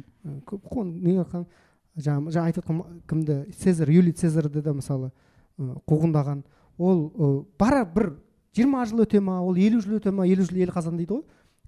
Уақыт көрсетеді ол. Негізі біздің қоғамның бір проблемасы белгілі бір тұлғаға ол саясаткер бола ма ол қандай да өнер мәдениет қайраткер тұлғасы бола ма сол сәтте бағасын беруге асығамыз ғой. Жаңағы бағасын беру керек бірақ оны әсіре культ жасауға тырысып кетеміз ғой. Осы жерде біз қателесеміз қоғам ретінде.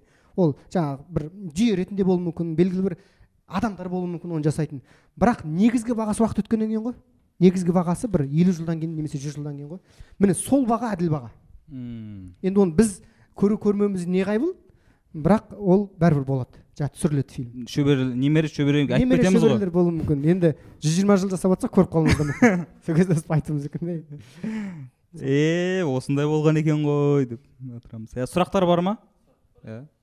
Рахмет жақсы әңгіме қозғалып жатыр мен бірінші сұрақ екіншісі ой қосар деп айтайын ба қалай? Сұрақ мынадай кино деген тақырыпты қозғалған кезде актерларды айттыңыздар ішіндегі саяси киноның саяси рөлін айттыңыздар режиссердің рөлін айттыңыздар киноның ішіндегі мәдени код жайлы айттыңыздар. Сценаристердің жағдайы қалай? М, мені осы қазір қалай алаңдатады деп айтайын ба? Сіздер жаңа айтып жатсыздар жеңіл комедия деген тақырып. Одан кейін маңызы зор маңызды өте ерекше фильмдерді қарамайды деген тақырып. Оның бәрі меніңше сценаристердің жоқтығы сияқты. Ә, идеяны әкелетін негізгі сценарист қой. Сол сценаристің қазақстандағы қазіргі қала ахуалы қалай шетелде. Шетелде жалпы алмай ақ қояйын иә. Осы сұраққа жауап бермес бұрын ана кабинеттен сумкамды алдыруға болады ма ма ішінде бір көрсетейін деп отыр ғой жоқ жоқ жоқ. Оның ішінде бір өте бір не бар. Жаңағы сценарист құпия қару бар. Шетелдік бұхар марат бұл жігіт сценарист бірнеше сериалдың және А. үш төрт иә үш төрт па? Неше фильм болып қалды? Енді бізде өзің білесің ғой марат. Марат қой иә? Бұхар. Бұхар бұхар. Аты тарихи енді. бір қызық сөз бар еді ғой өзі жалпы. Ресейде бір жарым сценарист бар деген голливудта екі ақ сценарист. Қазақстанда жоқтың қасы деген сөз ғой енді. Бірақ мен өзім бала кезімде бір армандайтынмын. Негізі бала кезім болғанда осы бір 17 18 жастар кезінде мен ақырын ақырын жаңағы осы ә, кино журналдар болған соларды оқып жүрген кезде ә, мен сценарий деген нәрсеге өте қатты қызыққанмын негізі өте қатты қызыққанмын бірақ қазақ тілінде мен соны әдебиет таппадым ғой үйрететін. Қарапайым сценарий әліппесін үйрететін. Мынау былай жасалады.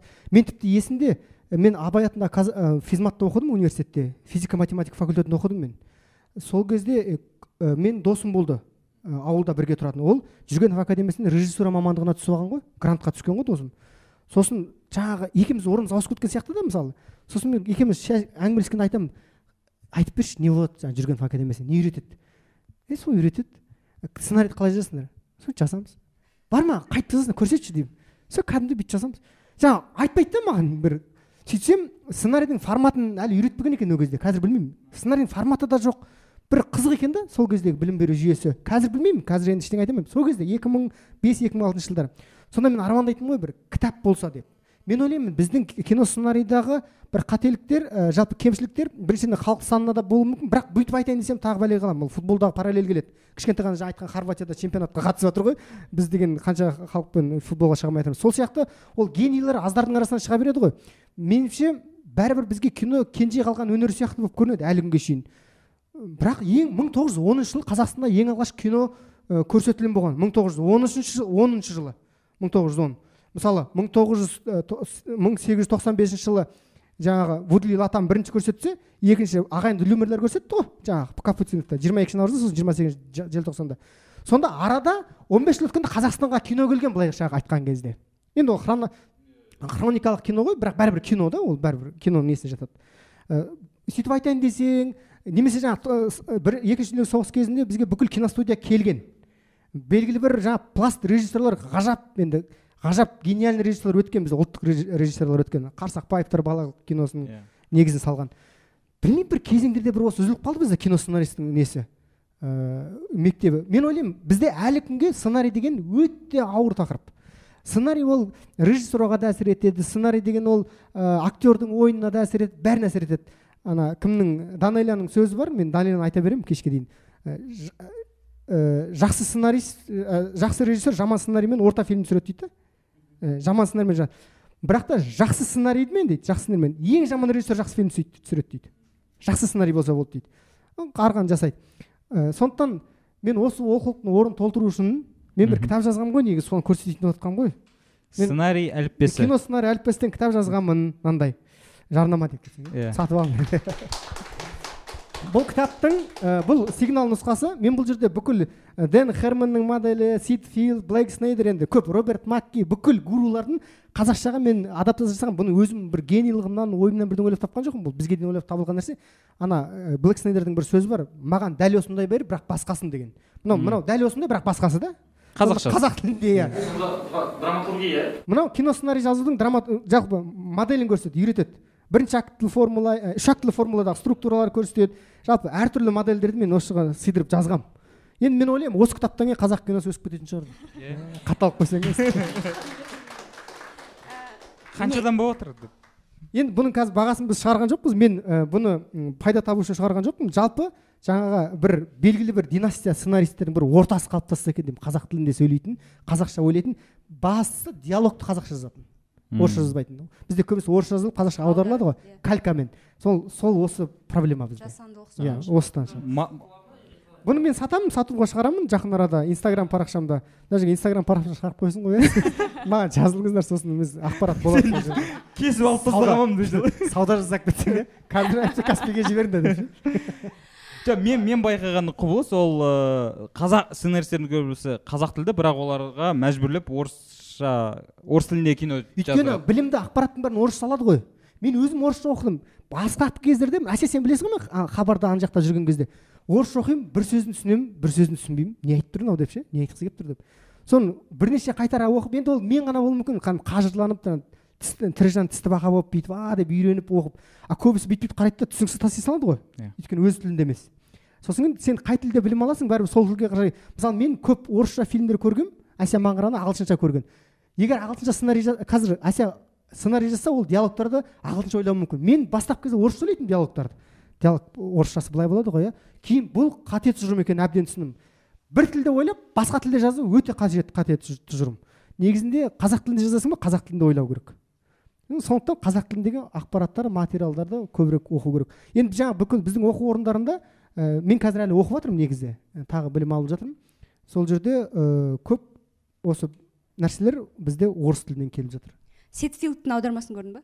Біз ұлттық аударма бюросында ситфилдтың соны аудармасын ә, мен аха ә, аудармасында оқыдым несін видеосында менде бар. Ситфилд енді гуру ғой нағыз Иә. гуру соны қазақша аударғанбыз өзім аударып аудардыңдар кеткенмін иә. қазақша кітап жазып жатыр мына жақта сол қазақшаға аударып жатыр. Енді не керек жоқ негізі мен жаңағы инстаграмнан сенде оқығанда қуандым.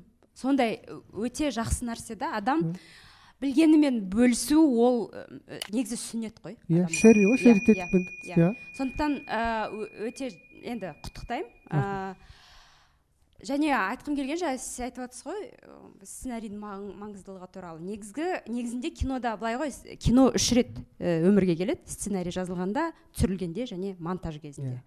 Ә, соны енді ең алғашқы түп негізі бәрібір сценарий болып тұр ғой. Ә, жаңағы форматированиеден бастаймыз. Мысалы марқұм сатыбалды нарымбетов былтыр кездескен кезімізде қолында жамбыл деген сен сценарийің бар екен. Сонда маған қарап бүйтеді әсия мынаны қарашы. Мынаны бір шетелге барып келген бала жазған дейді оны қайдан мен уже біліп отырмын ғой. Оны қайдан білдіңіз десем мынаның форматын қарамайсың ба? Бізде ешкім бұлай жазбайды дейді. Яғни сен өзің ізденіп ә, сенің бір жағы сол жүрген академиясы немесе басқа бір сценарлық ә, сценарийлік өнерді драматургияны ә, сондай университетте оқымағаның мүмкін дұрыс болған шығар. Өйткені сен жан жақты басқа көздерден ақпарат іздедің. Сондықтан оның басқа жаңағы формат болсын басқа жаңағы үш актілі структура болсын оның бәрін меңгердің басқа жақтан болса да. Ал мүмкін біздің ә, білім жүйесінде ол әлі қалыптаспаған шығар. Мен сол мен өзім онда оқыған жоқпын ғой ә, сценарлық ә, драматургияны кинодраматургияны. Сондықтан мен айта алмаймын нақты қалай ол жақта. Бірақ ә, менің бір ішкі түйсігім айтады шамасы оларда ә, үш актілі жүйені ә, не менсінбейді ә, не ол туралы оқытпайды мүлдем.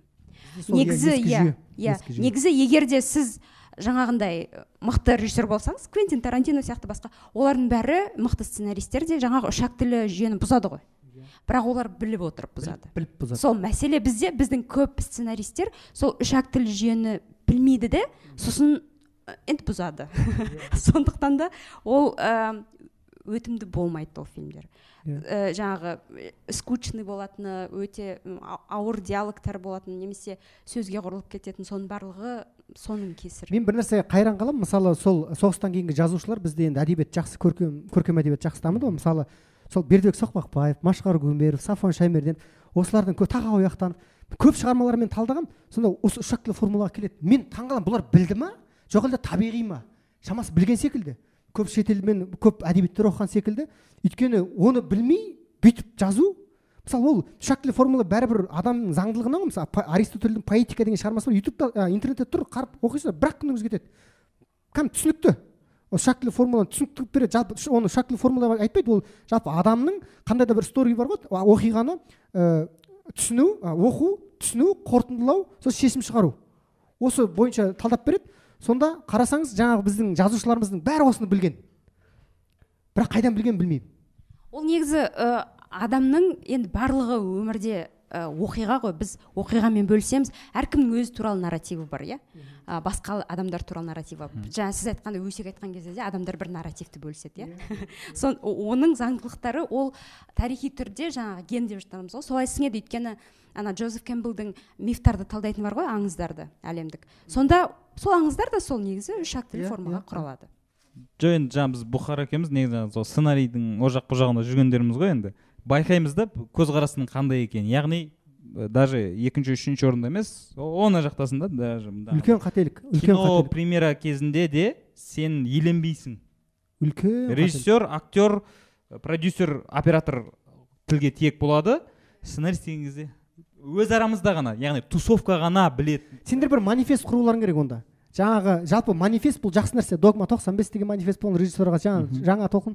Тағы жаңағы итальяндық неореализм. Бұның бәрі манифест мысалы біздің әділхан манифест жасаған партизандық фильмге қайбір жылдары. Жақсы болды бұл. Күшті болған. Бірақ тоқтап қалды. Неге сендерге сценаристердің манифестін жасау керек? Жазу керек сөйтіп өздерің сосын кейін ол ә, фильмдерді жазып өздерің түсірулерің керек. Сосын қоғам қозғау салуларың керек. Өйткені меніңше сценарист ол режиссермен қатар тұру керек. Өйткені оқиғаның жалпы өнімнің өзегі сценарист емес па оны жасаушы сценарист қой ол да автор ғой. Сондықтан бұл жерде жалпы кино біздің кино қоғамда кино қоғамдағы бір жаңсақтық деп есептеймін бұл нәрсені сценаристің еленбеуін. Сосын режиссер өзінің сценарийін табу керек та бұл жерде мысалы тандем. Тимур жақсылық пен ақанның Тандем, ә, таң тандемі. Сондай дүниелер ә, стреляйды дейді ғой сол Иә, ол табысты болады. Ал ә, жаңағы біз білетін көп автор деп айтатын режиссерлердің көбі өздері жазады сценарий иә иә. Иә иә. Мен осы соңғы неде ә, жаңағы сатыбалдағы марқұм қайтыс болардан бір 15 күн бұрын үйінде болғанмын ол кісінің ауырып отыр екен. Сонда бүкіл мен арманым кездескен кезде қайтып жазасыз қайтып көрсетіңізші осы ғой. Көрс не қайтып соны ә, маған көрсетті көп нәрселерін жазғандарын жазып жатқандарын бәрін көрсетті. Бұл кісі сценарийіне өте андай қарайды екен. Андай қолың тиіп кетпесін байқа. Андай қастерлеп жақсы көреді да ана дүниесін. Мына жерін ғана оқы мына жағын оқыма деген сияқты ше. Жоқ аға кішкене деп біразын оқып алдым көрейінші көрейінші деп. Сонда ол ә, сценарист ә, жаңағы сцена- өзі өзі сценарист болса өзі автор болса өзі режиссер болса ол дүниесіне өте қатты қарайды ғой. Ә, қастерлеп қарайды содан жақсы дүние шығады деп ойлаймын. А бізде жаңағы жалдамалы сценаристер жазады жаңағы бір екі миллион теңге ақшасын алуы мүмкін сосын бітті ұмытады. Ол түсірілім алаңына да бармайды. Өзі сценаристің түсірілім алаңына бармауы бұл режиссердің монтажға бармауы секілді. Режиссердің монтажға бармауы бұл түсірілім алаңына келмеумен бірдей. Сол сияқты сценарист ол жазды ма ол түсірілім алаңына бару керек. Өйткені моменттерде диалогтарға ол араласу керек. Ол кейбір ә, ситуациялар болады иә. Түрлі түрлі факторлар болады. Ғой ауа райының факторы болады адам факторы соған араласу керек қой сценарист. Иә ол болмаса болмайды. Бізде көп сценаристер бармай қоя салады. Оны шақырмайды да сосын. Біз өзіміз сұранып бардық қой. Негізі бару керек. өзіміз сұранып барып яғни біраз сценкалар өзгерді. Яғни ана жерде келіспей тұрғанын байқайсың да келмей тұр ана жерде. Жазған кезде басқаша бірақ ойнап бастағанда келмей тұрғанын байқайсың да сосын давай мына жерде онда басқаша айтып көрейік деген сияқты ондайлар сценарист міндетті түрде түсірілім алаңында болу керек қой. Енді мен бүкіл ә, халықтың бүкіл оқу білім жүйесінің үстінен ешқандай вердикт айтқым келіп тұрған жоқ. Бірақ мен білетін бір белгілерге қараған кезде мысалы актерлар бізде театрға үйретеді. Театрлық сахналауға. Және сценаристерді драматургиялық жаңағы пьеса жазуға үйретеді. Бірақ екеуі жермен көк мысалы да, пьеса мен сценарийдің айырмашылығы не? Пьесада ол белгілі бір шектеулі локацияда және көбінесе актердің ішкі ойын бір жазушы сияқты сөзбен береді. Жазушыға оңай ғой қиялды сөзбен бере бересің. А режиссурада жалпы кино сценарийда негізгі қағида айтпа көрсет қой. Ал театр ол айтады пьеса ол айтады. Ал сценарийді айтпай көрсету керек. Сондықтан бұл жерде екеуі екі бөлек әлем. Кино сценарий деген бөлек жаңа сен айтып отқан ол математика ол логика. Бұл жерде логиканы да өте күш логикаға сыймайды кейбір мәселелер. Сосын кейін ол сценарий дегеніміз ол жалпы мезгіл мезгілдерді қарау дәуірлерді қарау. Сосын ол тарих сценарий деген. Сен тарихты білмесең белгілі бір деңгейдегі кезеңдегі бір өмір салтын білмесең қайтып жазасың. Ол зерттеу ресерч бірінші кезекте. Сен қатты зерттеуің керек. Сондықтан ол ә, бізде осы көзқарас кішкене қалыптаспаған ғой сценарийге деген. Жаңа айтып тұрмын. Тіпті ә, мен ойлағанмын мына коммерциялық фильмдерде продюсермен бірге режиссер қатар жүретін шығар. Өйткені мен білем мысалы ә, мынау стриминг каналдарда платформалардағы сериалдарда сценарист бірінші номер.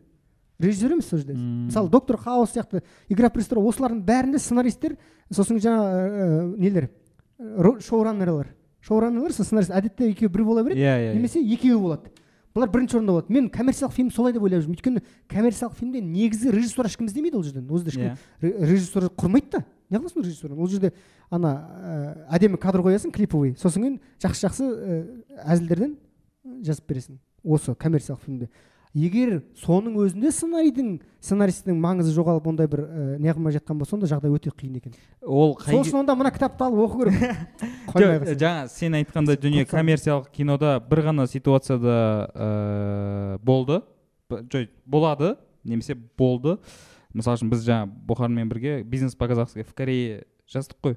Одан кейін басқа кинолар жазған кезде от сценаристов бизнес по казахски в корее деп бізді то есть алғашқы пландарға қойды да яғни ана жетістік мына жақта қолдануға болады деген сияқты. Иә иә. Маркетинг ол- тәсіл ол сол бір продюсердің фильмдері болған соң ғой. Иә иә. Басқа фильмге ол қолданбайды екен оны көрдік. Иә көп болмайды екен. Ол жерде мен ә, мысалы ә, мен мынандай болып әлі де осындаймын ғой. Мысалы мен сәбит құрманбеков сияқтағы дәрежан өмірбаев аға сатыбалдыға кезінде қазір мысалы болат қалымбек дамирман аға мен соңдарынан қалмаймын. Жаңа сен үзіліп қалды деп отырсың ғой. Мен соңынан қалмаймын. Мысалы аға кездесейікші шай ішейік кеттік а деп көңілін аулаймын үлкен кісілермен әңгімелескен маған қатты ұнайды. Ол әңгімелесесің ақыл сұрайсың бәрібір тәжірибенің аты тәжірибе. Сол мысалы бізге сценаристерге осы жетпейді. Бір орталық бір қоғам жетпейді. Әркім өзімен өзі ешкім ешкімді мойындамайды. Ә, анау анауға баруға арланады ұялады намыстанады. Несіне ұяласың? Немене арланасың. Мен мысалы ә, әділханға да жазамын әділханмен де әділхан шай ішейік өйткені бәрібір көргені көптен сен үйренуің керек қой. Ол онда тұрған қазақ өне- өнерді үйрен де жирен. Өнерді үйрен деп тұр ғой ол үйрен. Оқу да бар өзің іздену де бар бірақ үйрену бар да біреуден. Яғни түсірілім алаңдарына мен не үшін барамын? Ақан ағанікіне барамын тұрсын ермек тұрсыновқа да барамын. Барып жүремін. Өйткені көру керек үйрену керек. Бізге осы нәрсе жетпейді. Үйренесің. Сосын өзің үйренген соң үйретесің. Жалпы алаш деп кетсең иә? Алаштықтардың да а, көксегені осы ғой енді. Білгенін білу білгенін үйрету. Бізге осы нәрсе жетпей жатыр. Салалық білім жетпей жатыр. Сценаристикада салалық гафер жаңағы операторлық осының бәрі салалық білімдер ғой. Бұлармен бөлісу керек. Мен өзім білмеген жағдайда жанында көмекші болып сұранып келетіндер бар. Соларға айтамын да мен бірдеңе үйрете алмаймын деймін. Бірақ жанында жүрсең өзің бірдеңе алып аласың деймін ғой. Иә ол мен менен көргеніңді бір істеп әйтеуір. Иә адам көргенін істейді ғой. Күшті әңгіме болды негізі бүгін. Ә, көрермен ә, немесе тыңдарман оқырман бәрі риза шығар. Өздеріне қажет. Ақпаратты ала білді деген үміттемін. Ә, сендерге көп көп рахмет. Келіп. Сізге де рахмет. Ой бөліскендеріңе. Ә, сол. Рахмет рахмет. көп рахмет. Ә, бұл ә, барлықтарыңызға рахмет. иә нұрмахан мұханұлы ютуб каналына жазылып қойыңдар. Ә, келесі админ алаңда кездескенше.